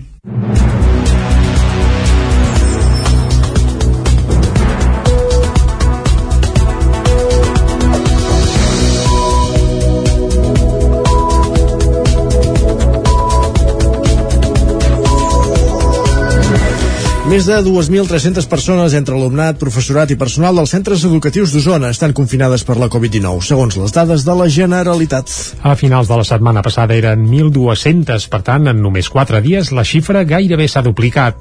Amb el canvi en els protocols d'aïllament, que estableix que la classe sencera es confina quan hi ha 5 positius i no pas un, el nombre de grups en quarantena és baix, però n'hi ha com a mínim a Torelló, Sant Vicenç de Torelló i també a Centelles. A més, des de les dades de la Generalitat només es comptabilitzen com a grups confinats quan tots els alumnes són a l'aula. Per tant, es donen situacions com, per exemple, casos en què hi ha un infant que, per exemple, va passar la Covid durant els dies de Nadal i en aquest cas, com que sí que pot anar a escola perquè està immunitzat, el seu grup no es comptabilitzaria com a immunitzat. Per tant, si ens atenem a aquesta eh, normativa, podríem arribar a plantejar-nos que ara mateix a Osona segurament els grups confinats passarien de les dues desenes. La Generalitat preveu que el pic de la sisena onada de la pandèmia, en què s'estan batent tots els rècords de contagis amb la variant Omicron, arribi en els propers dies. Les dades assenyalen una desacceleració, tot i que la corba no està baixant, encara que, segons dades de salut, podria començar a fer-ho la setmana que ve. Entre el 9 i el 15 de gener, a la comarca d'Osona s'han registrat més de 4.300 positius i a tot Catalunya superen els 2.000 els 211 11.000. La Generalitat també ha anunciat avui que s'obrirà la vacunació de la dosi de reforç a la població d'entre 18 i 29 anys. Podran rebre la tercera dosi quan hagin passat com a mínim 8 mesos des que van rebre la segona. Vic pintarà places d'aparcament davant de les farmàcies perquè les utilitzin les persones que hi van a comprar només durant uns minuts. Amb la mesura es recull la demanda que havien fet algunes farmàcies. Aquestes últimes setmanes també s'havien vist infraccions d'aparcament en moments d'alta influència a les farmàcies per comprar testos d'antígens. Totes les farmàcies de Vic disposaran d'una plaça d'aparcament ràpid que es podrà utilitzar per deixar-hi el cotxe uns minuts només per comprar a l'establiment. Amb la mesura es recull la demanda que han fet algunes farmàcies de la ciutat per les dificultats que genera l'aparcament els dies que estan de guàrdia. A l'últim ple municipal Capgirem Vic també va alertar de la gran quantitat de cotxes que hi ha hagut aparcats puntualment, sobretot davant la farmàcia de la Ronda Camprodon, obstaculitzant el pas de vianants i bicicletes. En aquest punt, la plaça d'aparcament es pintarà en el moment de consolidar les obres que s'estan fent en el carril bici. Fabiana Palmero és la regidora d'Urbanisme i Mobilitat de l'Ajuntament de Vic. A mesura que anem transformant els carrers, per exemple, el projecte ara de la Ronda Camprodon, que ha començat el, el procés de, de licitació de les obres, ja ve incorporada aquesta, la nova zona de càrrega i descàrrega, una plaça específica per a farmàcies. I això ho farem al carrer Montserrat, bueno, tota la ciutat, a Santana, totes aquestes farmàcies a, que, que disposen disposen de, de trànsit eh, de cotxes per la porta i poder disposar d'aquest espai que no, eh, que no faci mal, que no ocupi places que no li toquen, és a dir, que tingui una, una plaça reservada i lliure per quan es necessita.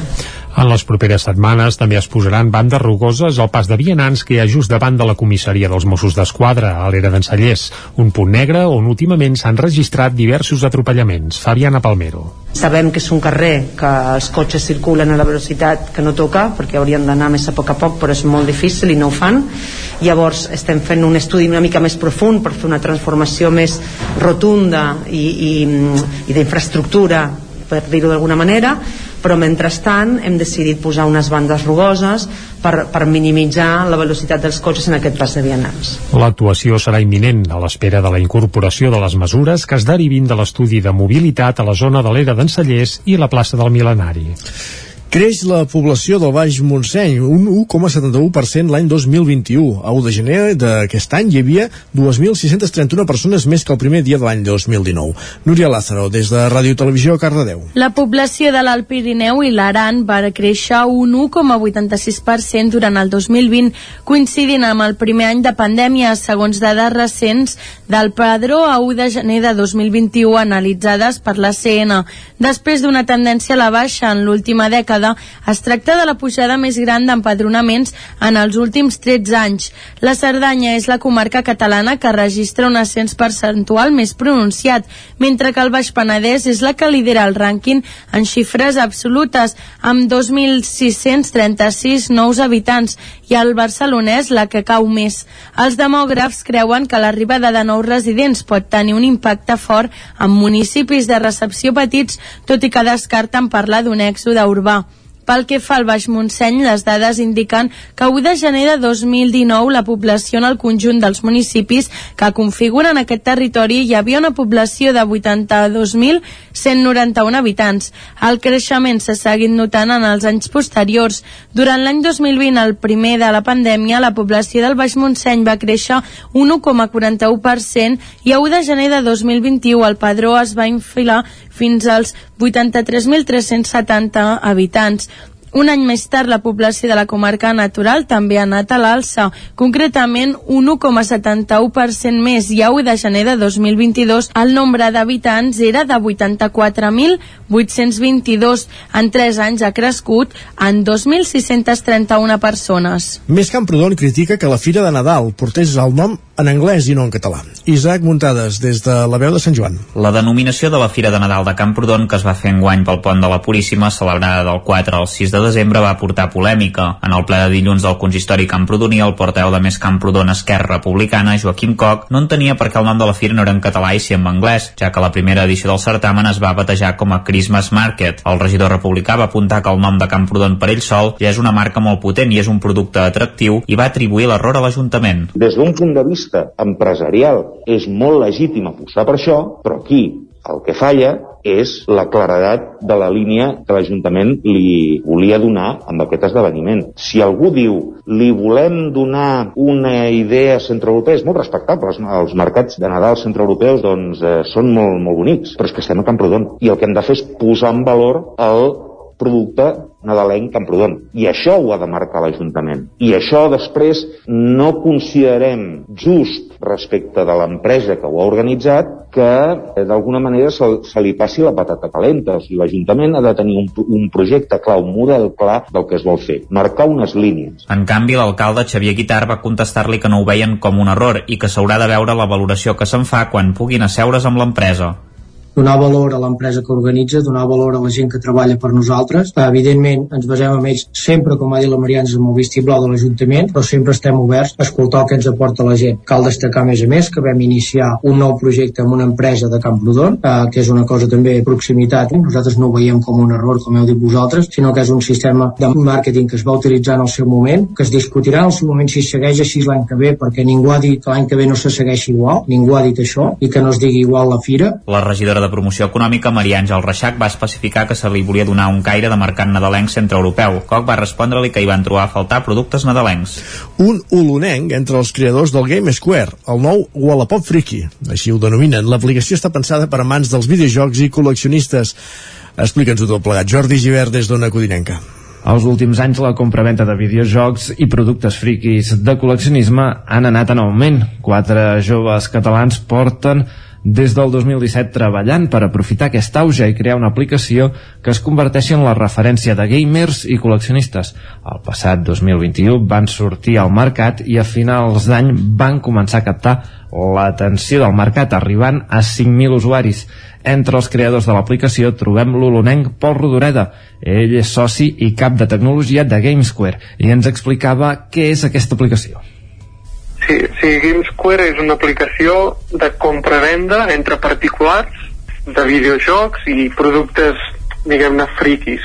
Va? Tot el tema de col·leccionisme, jocs retro, consoles retro, i la idea és evitar tots els mal de caps de, per exemple, Wallapop, d'haver de, de regatallar per xat, ara no t'ho accepto, ara he de quedar, hosti, quan ho veig no és el que hi havia a la descripció, per tant, nosaltres evitem aquest xat i directament és una compra la potencialitat de la startup ha despertat també l'interès d'inversors. A finals del 2021 van rebre inversions per valor de 100.000 euros que han de servir per potenciar la marca al mercat espanyol i ampliar el catàleg de productes. Rodoreda explicava la forma que han fet servir per créixer en aquests últims mesos del 2021.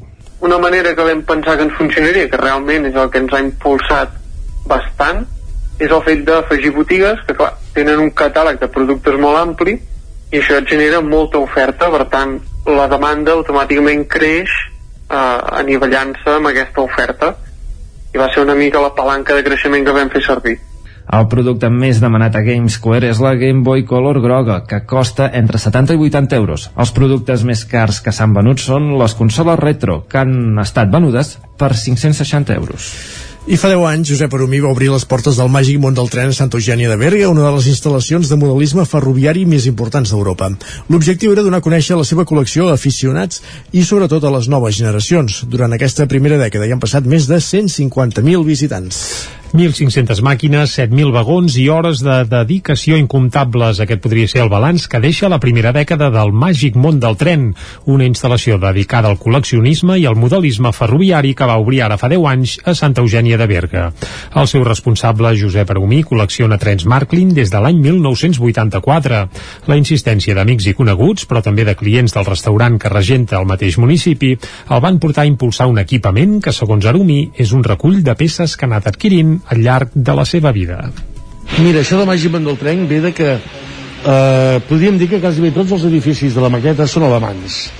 Llavors nosaltres hem estat 22 anys eh, voltant per Europa amb autocaravana i què passava? Allà on anàvem compràvem records. Doncs la maqueta està farcida de records als viatges que fèiem. Per això això és un món màgic, això és un món que tot el que hi ha aquí existeix a la realitat però aquí està tot barrejat com si fos un somni. El Màgic Món del Tren arriba al desè aniversari consolidant-se com a un dels equipaments de modelisme ferroviari més importants d'Europa tot i la frenada que ha suposat l'esclat de la pandèmia des que va obrir ara mateix ja fa 10 anys doncs hi han passat prop de 150.000 visitants. Josep Arumí Més de 1.000 metres quadrats d'exposició.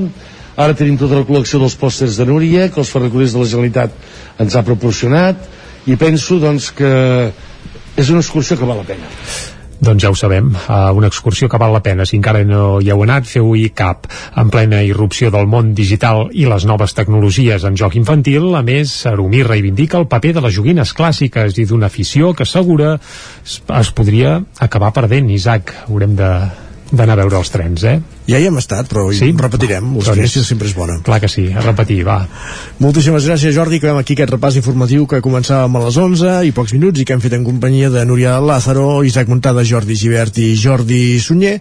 Uh, acabem aquí, com dèiem, aquest repàs informatiu, moment d'endinsar-nos a l'alegria interior i ja ens hi espera en Jordi Soler, com cada 15 dies, aquí al Territori 17.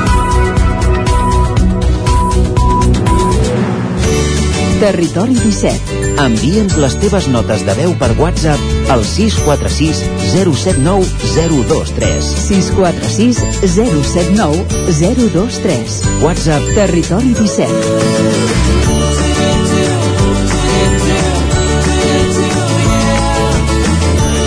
Territori 17. Som a Facebook, Twitter i Instagram amb l'usuari Territori 17.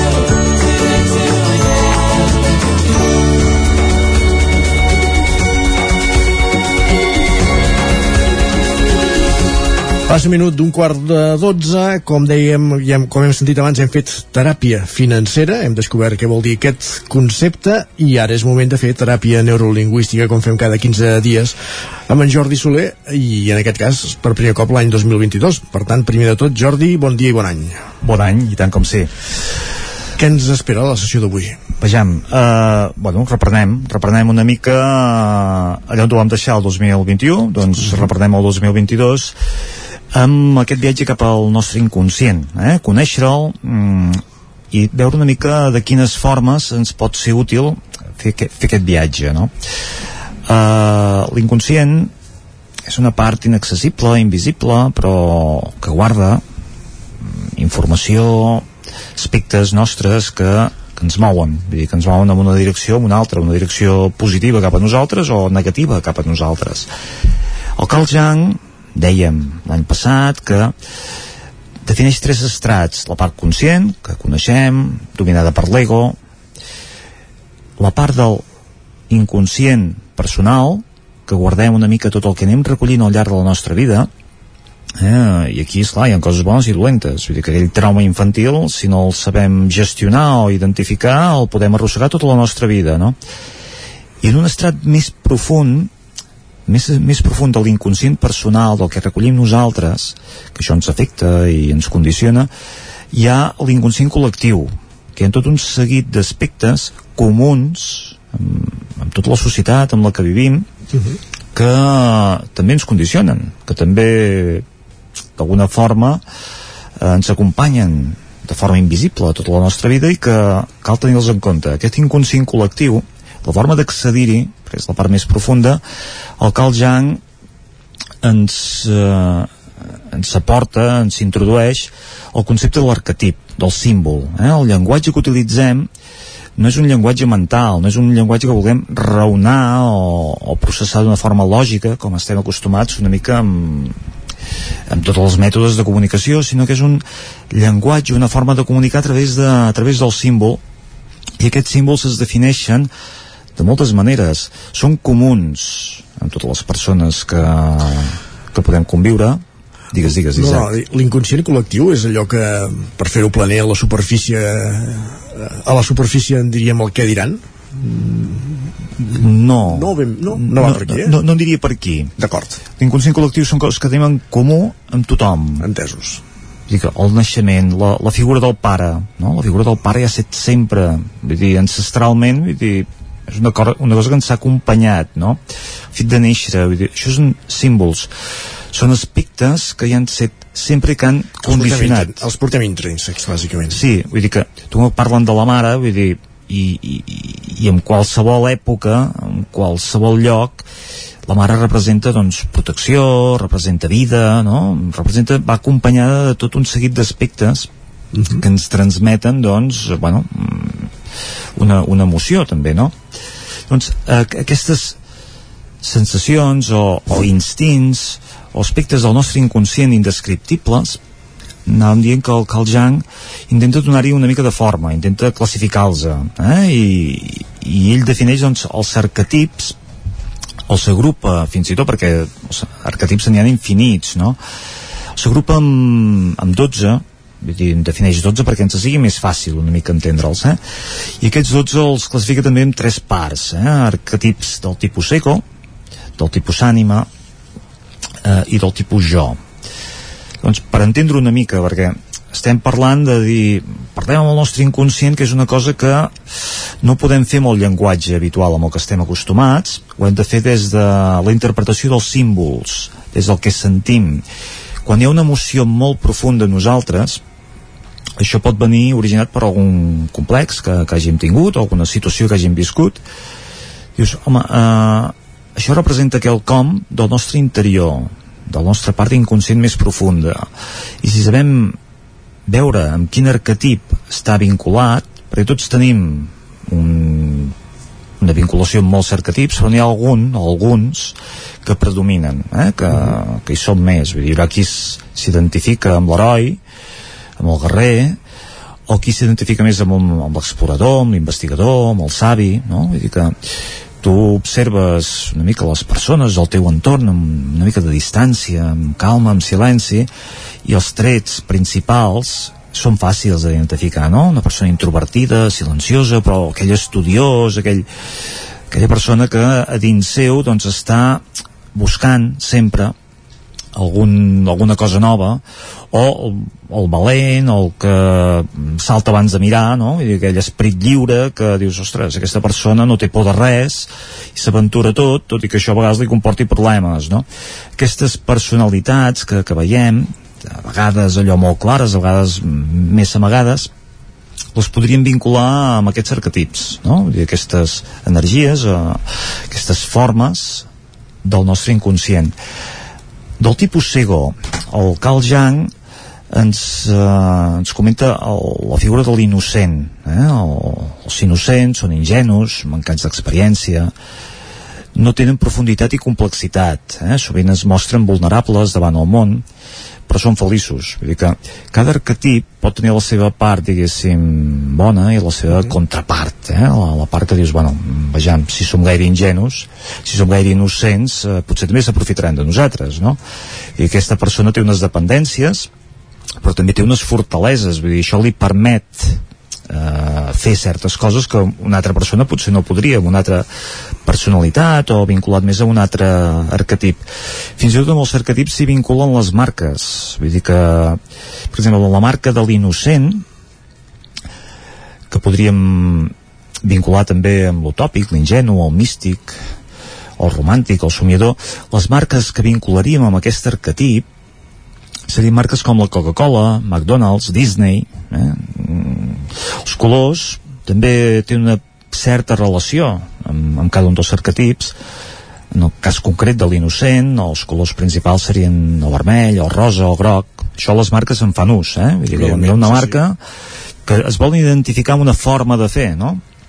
Per exemple, la Red Bull doncs no s'identificarà amb l'innocent Red Bull... Sí. Blau i gris eh? vull dir que el, la marca Red Bull té una altra connotació molt diferent no? Uh -huh.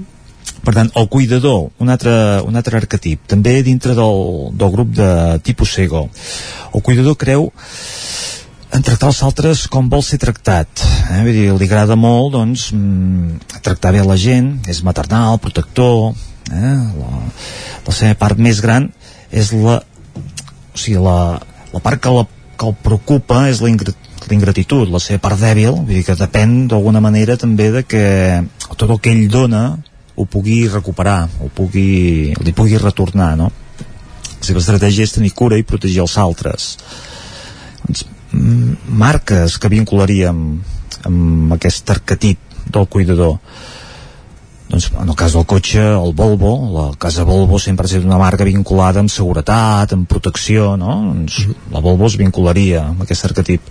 La Nestlé, la Mafre, no? Companyies asseguradores en general, de fet, Metges Sense Fronteres. Vull dir que organismes que d'alguna forma estan abocats eh, a la resta de la gent podrien estar associades a aquesta, aquesta energia arquetípica eh, de, del cuidador l'heroi un altre, un altre arquetip l'heroi el, eh, està claríssim no? vull dir que la persona emprenedora competent, valenta però a vegades també arrogant i ximple per un altre, a vegades es tira massa, massa de pressa al precipici i els resultats tampoc són els que, els que voldria. Vull dir que l'heroi tenim clar, vull dir, a través del cinema, a través de la literatura, vull dir que el, el personatge està més que definit i les marques que s'hi vinculen Nike, no? vull dir, la marca esportiva, Duracell, Takeuer, Hammer, la marca aquella de cotxes mm, així més de tot terreny. Un altre arquetip, l'orfa. L'orfa és una part nostra, tot això són parts nostres, el que passa que algunes les tenim més accentuades, d'altres les tenim més dissimulades, més amagadetes eh? tots podem tenir un heroi dins tots podem ser cuidadors en un moment donat que passa com predomina aquest aspecte en nosaltres llavors es defineix molt bé l'arquetip no? hi ha gent que estan abocats eh, als altres de forma sistemàtica, d'una forma exagerada s'ha de veure el, el que això comporta vull dir, quan ho identifiquem si veiem que tenim un arquetip molt, molt, molt definit, molt ressaltat, molt exagerat, compte també, eh? Vull dir que això hem de vigilar que hi ha un, una contrapartida. Doncs l'arquetip de l'orfe és la part de nosaltres que sap quines qualitats s'ha d'amagar i quines ressaltar per poder encaixar amb els altres. Busca sobretot passar inadvertit i encaixar. Eh? I aquestes persones que no criden mai l'atenció, que sempre estan al mig del grup, que volen ser acceptats però que tampoc fan molta fressa eh? Uh -huh. eh, són persones eh, normalment molt empàtiques eh, bueno, per persones que, que, que poden ser compatibles eh? amb, amb la majoria de grups els arquetips, amb això acabem avui aquesta secció dedicada a, al PNL, l'alegria interior que fem cada 15 dies amb Jordi Soler. Gràcies, Jordi. D'aquí 15 dies I tornem, més. continuem. Seguim. A vosaltres. Fins aleshores. Adéu. Adéu. El nou FM, la ràdio de casa, al 92.8.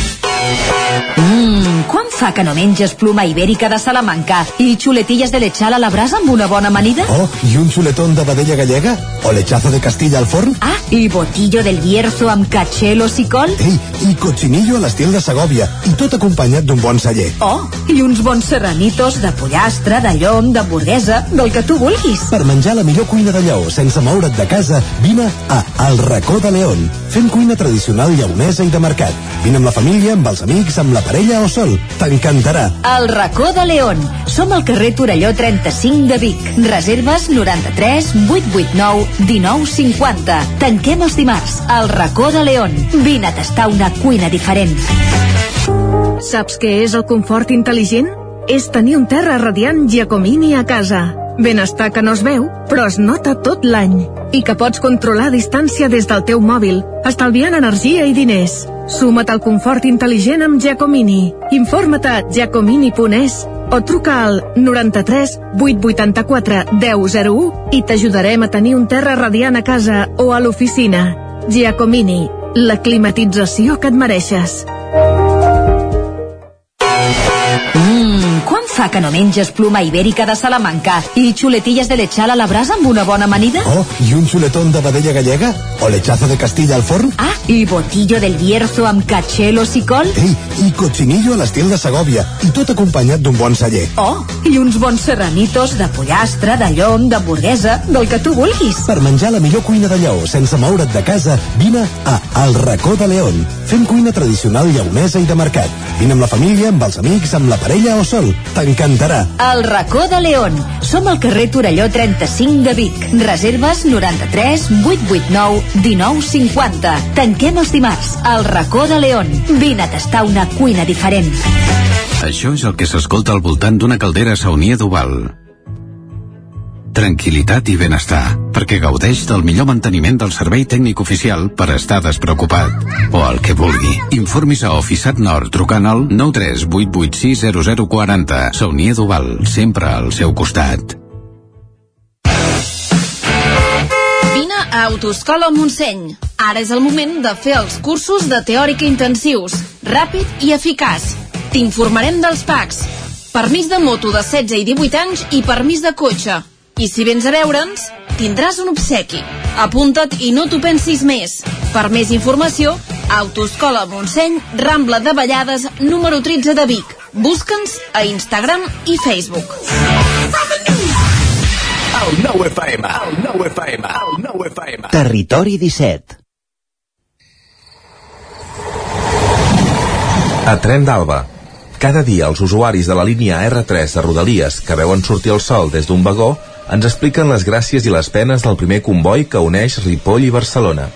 Benvinguts a Tren d'Alba. Doncs avui us porto bones notícies perquè DIF ha encarregat la redacció del futur projecte de la nova estació de Parets, al Vallès Oriental, per un import d'1,3 milions d'euros. Una bona notícia per l'R3. El projecte preveu la cobertura de més de 100 metres de línia ferroviària amb una amplada de 40 metres i sobre la nova llosa es construirà el nou edifici, una zona d'aparcament i espais reservats per a taxi i autobús. El projecte també preveu prolongar i ampliar les andanes, suprimir el pas a nivell per als vianants, l'execució d'un pas inferior adaptat a persones de mobilitat reduïda i la demolició de l'actual edifici del bar de l'estació. Va, us deixo amb la crònica d'avui d'en Carles Bassaganya. Bon dia, avui de nou amb el nostre estimat tren bala, que surt en el cas de l'estació de Ripoll doncs, a les 7 del matí, i, a les 7 i 18 hauria de sortir, i arribada aproximadament sempre a les 9.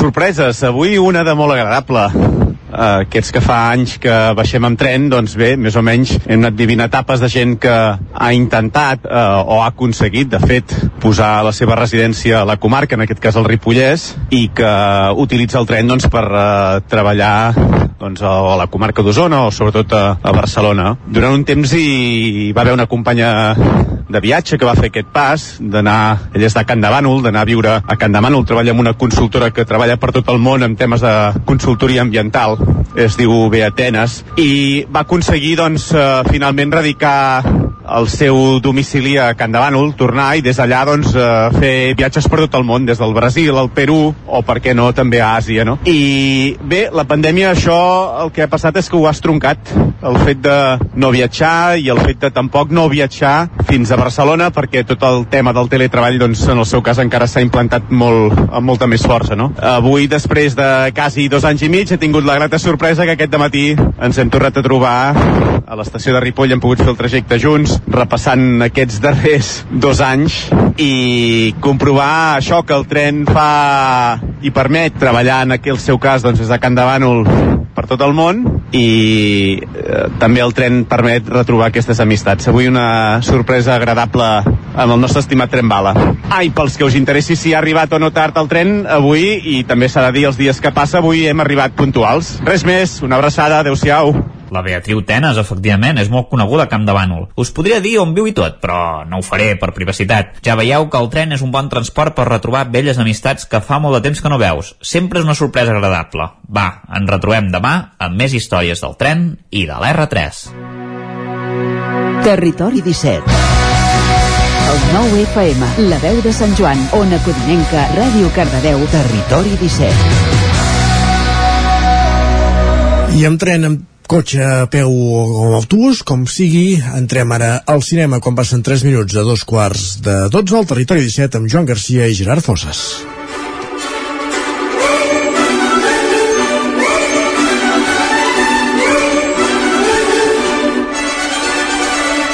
I un dijous més, moment de parlar amb el nostre col·laborador, en Gerard eh, Fosses, que ja és amb tots nosaltres. Hola, Gerard.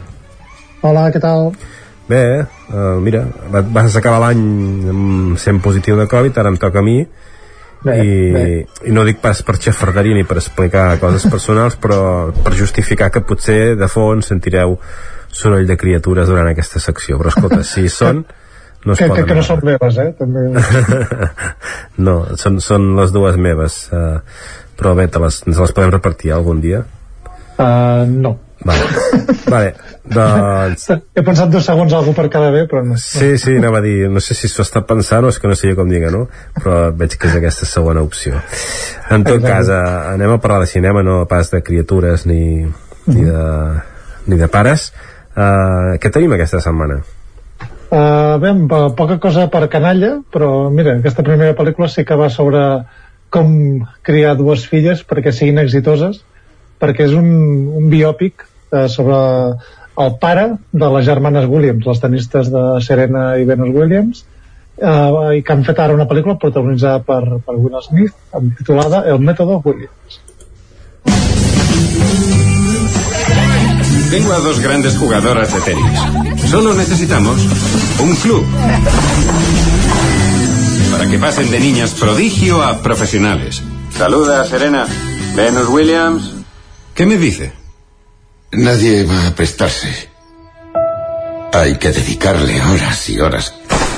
E incluso teniendo recursos económicos ilimitados, es como intentar que alguien se crea que tiene a los dos próximos Mozarts en casa. Venus y Serena van a revolucionar el mundo. Sempre he tingut el dubte, eh, de si... Perquè aquest tipus d'històries de pares que, que ho donen tot per les seves filles, però més allà perquè triomfin en, un esport o d'alguna forma, no solen ser gaire, Tenemos campeonas en el cuarto del lado. gaire boniques. És dir, tenim la història, de, per exemple, de Michael Jackson. No sé si el dels Williams és, el, és la mateixa o no, de, de, pel que sembla no, eh? o està d'un curat, no ho sé. Tengo a los No, bueno, és una història més, més d'èxit, tot i així sense, sense, sense masses concessions, en el sentit que és una pel·lícula bastant ben escrita, que no està anant a buscar uh, la llagrimeta, però sí que és veritat que és d'aquestes pel·lícules que agraden molt a Hollywood, no? que són històries de superació, històries d'èxit, que al final el somni americà doncs va d'això.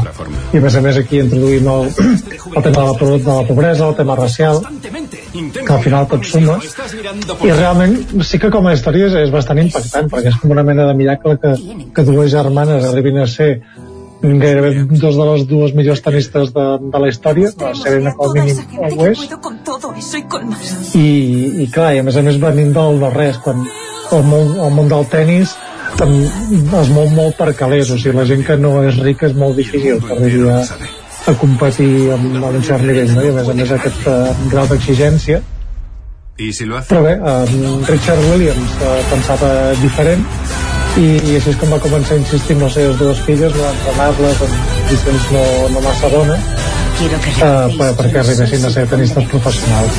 Uh, no és tant una història sobre l'obsessió per, per arribar a aconseguir l'èxit, sinó una mica sobre com la, la unitat familiar i la constància i el dur doncs et segueixen per arribar a allò. Peligrosas que sois. Molt bé, doncs... Uh, no sé, aquestes s'estaran en cinemes, no? Sí, s'estrenen en cinemes. De fet, als Estats Units es va estrenar simultàniament al cinema i HBO Max, que, que imagino que a Espanya encara no, perdó, no, no està disponible, i s'estrena ara, de moment, en, en cinemes. Uh, ja dic, és una bona pel·lícula per anar a veure, potser excessivament llarga, perquè dura dues hores i vint. Uh, Will Smith, en un molt bon paper, d'aquests que li agraden a ells, no? Uh, tipus en busca de la felicitat, no? aquests que són tot amb un grau molt emotiu, figura paternal, um, li serveix per plorar de tant en tant també, fer aquesta figura d'heroi americà. Uh, diguem que són tot ingredients que funcionen bé però bueno, és, també és per un públic uh, molt específic. No sé com funcionarà uh, dintre de l'estat espanyol. Molt bé, ara podríem fer, una, podríem fer un biopic de Djokovic, que seria també bé, interessant.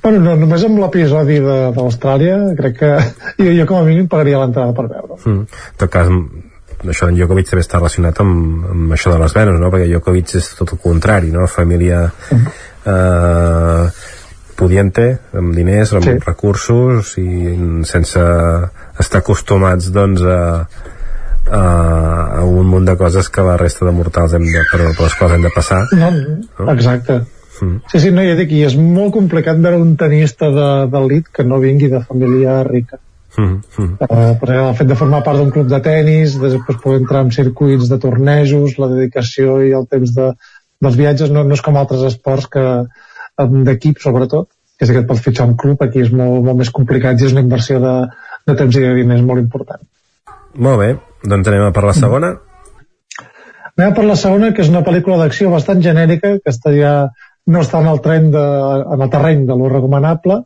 um, però sí que és uh, d'aquestes pel·lícules que anirem distretes. Es titula Agentes 355.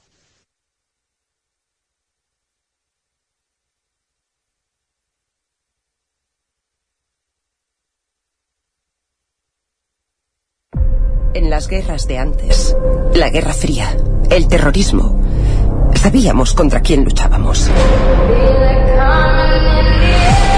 Pero ahora el enemigo es invisible pueden desestabilizar países enteros con un solo teclado.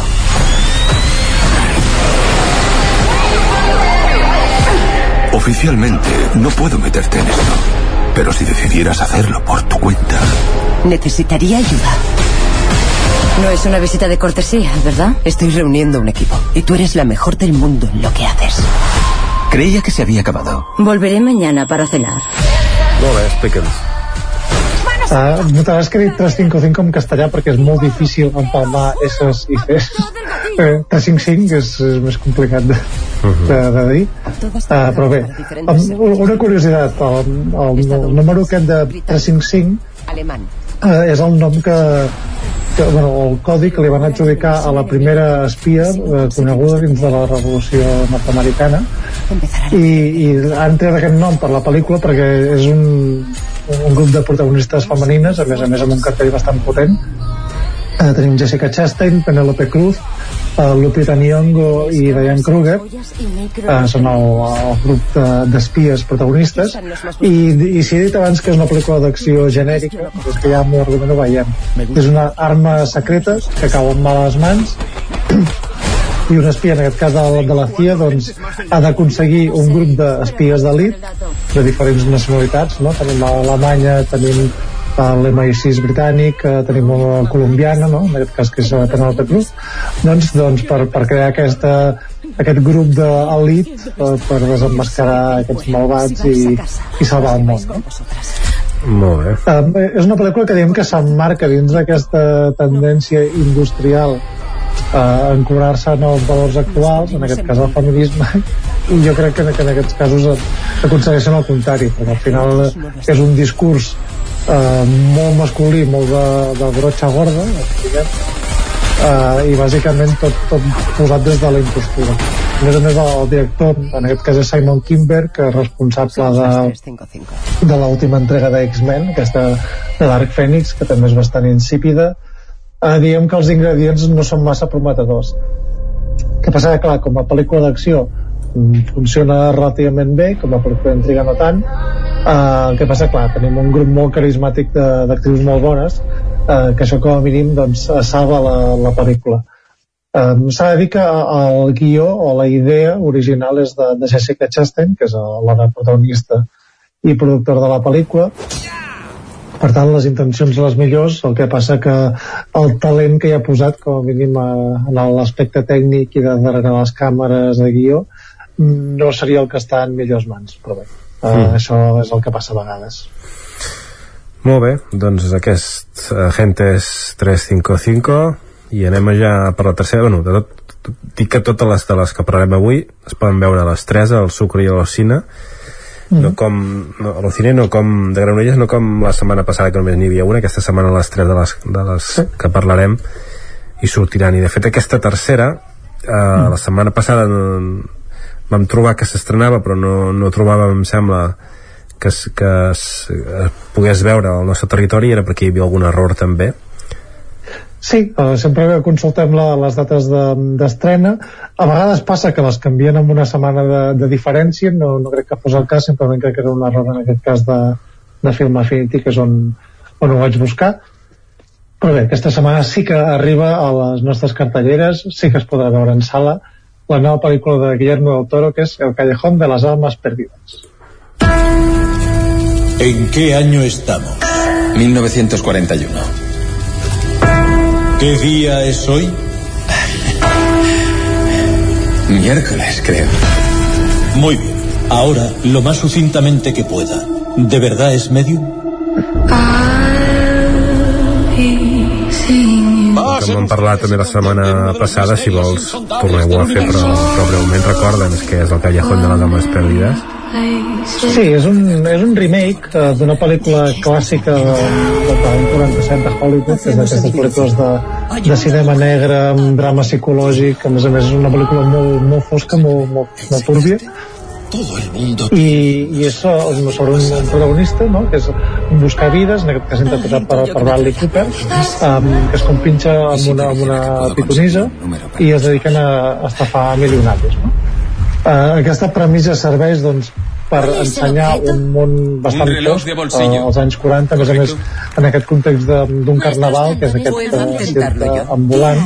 dentro del és una pel·lícula que, que tracta diferents temes però que tots porten el mateix que és a, la foscor de l'ànima humana. Uh, en aquest cas uh, Guillermo del Toro li dona una versió bastant més lluminosa, més romàntica no? amb aquesta idea seva de buscar la, la bellesa i la fantasia als marges o en els llocs més obscurs de, de, de la humanitat Um, per exemple tenim casos de, de la Guerra Civil Espanyola no? com Espenazo del Diablo o el laberinto del Fauno uh, i bé, i aquí simplement busca l'Amèrica la, profunda dels anys 40 Uh, pel·lícula interessant, excessivament llarga també, com passa amb moltes pel·lícules, dura gairebé dues hores i mitja, uh, però bé, és un, un, una de les pel·lícules més interessants de la setmana, segurament, probablement la, la que més, uh, simplement per la categoria de, de l'autor, uh, protagonitzada més a més per Bradley Cooper, Kate Blanchett, Rooney Mara i Toni Collette, un elenc bastant important d'actors i també pot servir d'excusa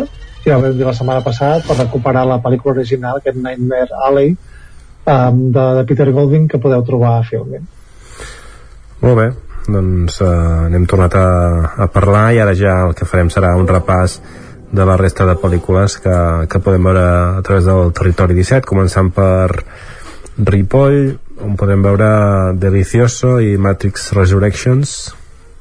Sí, Delicioso és una pel·lícula que, que es va estrenar a principis d'aquest any eh, que, que és d'aquestes eh, drama, comèdia eh, en, en de, del cinema francès a més a més amb temàtica gastronòmica que això els agrada molt no? eh, l'estil eh, xocolat, el xef aquesta, la, receta, la receta de la felicitat perdó, Batel i aquí estem a la línia, és la Revolució Francesa i durant aquest període una mica previ a la Revolució Francesa perdó, eh, doncs eh, és un home que, que perd la feina i gràcies a, el fet de conèixer una dona doncs, que l'encoratja, doncs decideix obrir un restaurant pel seu compte. Uh, és d'aquestes pel·lícules bàsicament agradables perquè sempre que barreja cinema, comèdia, romans i menjar sempre mm, entra bé. Diguem que és una recepta fàcil de pair i bastant agradable. Mm. Molt bé. I Matrix Resurrections no cal que en parlem gaire perquè doncs, no. hem parlat i tot uh, menys tothom o la, ja l'haurà conegut però jo la recomano moltíssim a mi em va agradar molt aquí ja ho deixo sobre la taula hi ha gent que no l'ha agradat tant, també t'ho dic molt bé, el Cinema Catalunya de Ribes és una, una opció bastant interessant i curiosa un concert mm. filmat de Duke Ellington Sí, uh, concretament a Copenhague, a més veig que posa la presentació a càrrec de, de Mònica Pagès. Um, no, no és una pel·lícula, és, a vegades ja sabem que, que els cinemes doncs, també aposten per, per fer l'òpera, per fer ballet o, alguna cosa així. En aquest cas és un concert d'aquest pianista, de, de Duke Ellington, i és una oportunitat per veure-la a Ribes el dissabte 22 de gener. Molt bé, no deixem el Ripollès, el Casal Camprodoni, una libreria en París. Una libreria en París, estem parlant d'aquestes um, comèdies romàntiques, no de les um, adulcorades en plan sentit de l'humor, no? aquestes que tiren més cap a, el, el romàntic romàntic d'aquestes que, que puja la música que hi ha molts de subratllats eh, quan algú expressa les seves emocions que hi ha el punt de drama, tragèdia personal de, de cada personatge. I tot i que és una llibreria a París la pel·lícula és italiana de, de Sergio Castellito molt bé sí que es nota que t'agrada el cinema francès cada cop que hi ha Sí, és, més que el cinema francès són, són certes temàtiques.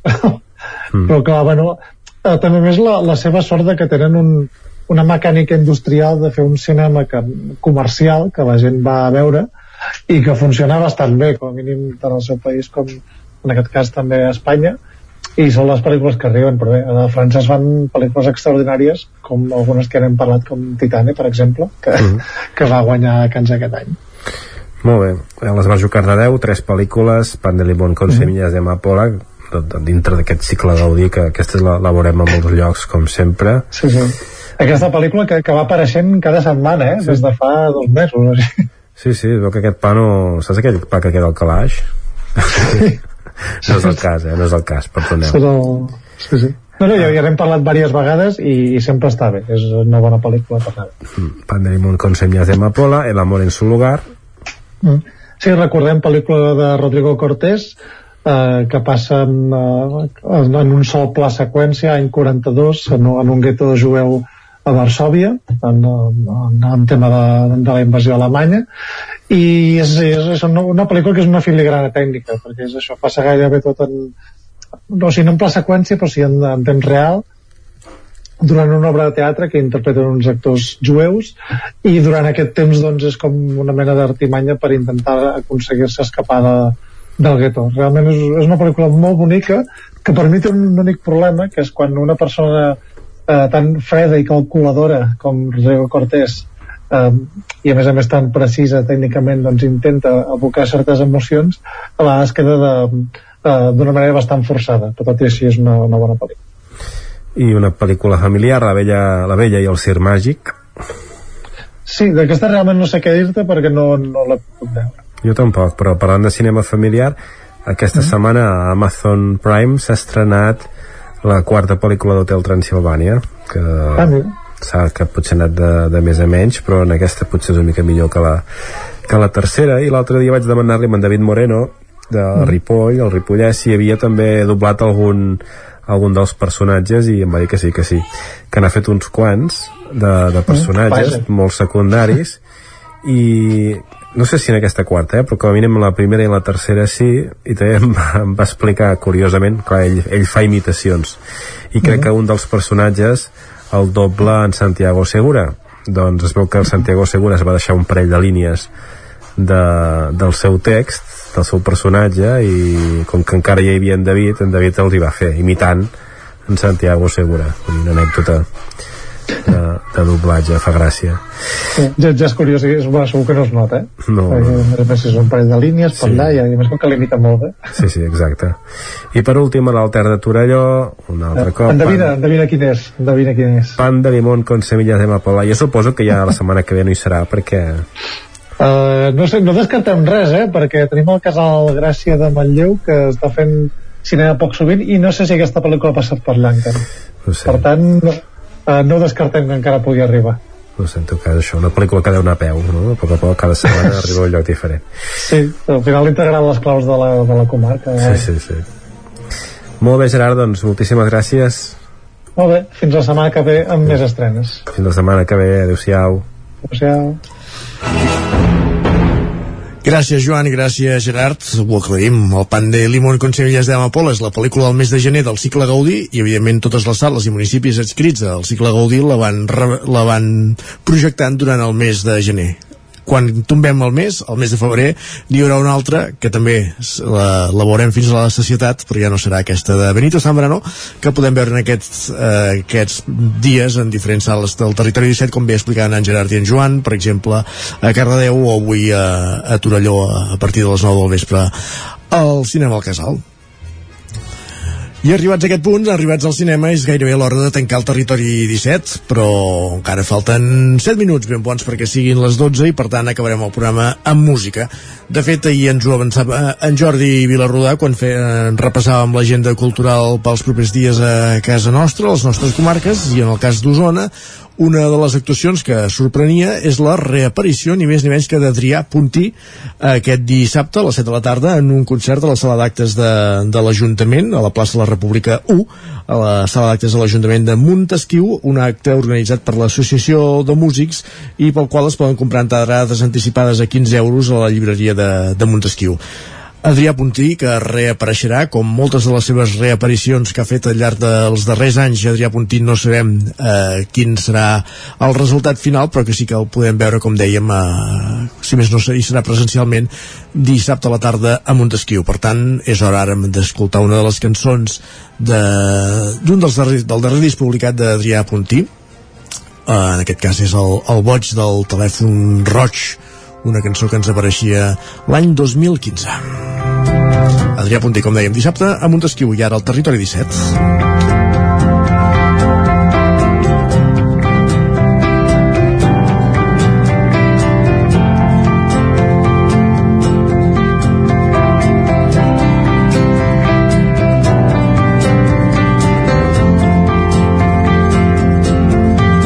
Mor del tot innocent. Hi ha un esprit a despit d'un cel rogent, groguent, punyent.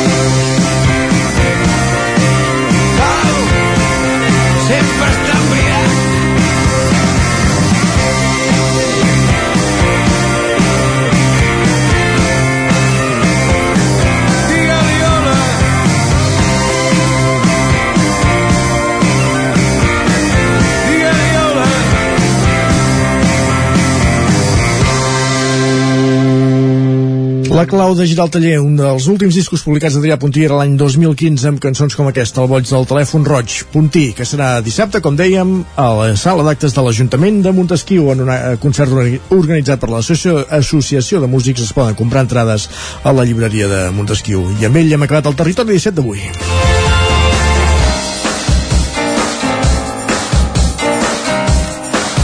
Un programa en el qual us hem acompanyat des de les 9 del matí Guillem Sánchez, Pepa Costa, Txell Vilamala, Núria Lázaro, Jordi Givert, Maria López, Òscar Muñoz, Isaac Montada, Jordi Soler, Gerard Fossa, Joan Garcia, Jordi Sunyer i Isaac Moreno. I tornem demà a la mateixa hora. Bon dia, bon dijous. Territori 17 un magazín del nou FM. La veu de Sant Joan. Ona Codinenca. I Ràdio Cardedeu amb el suport de la xarxa.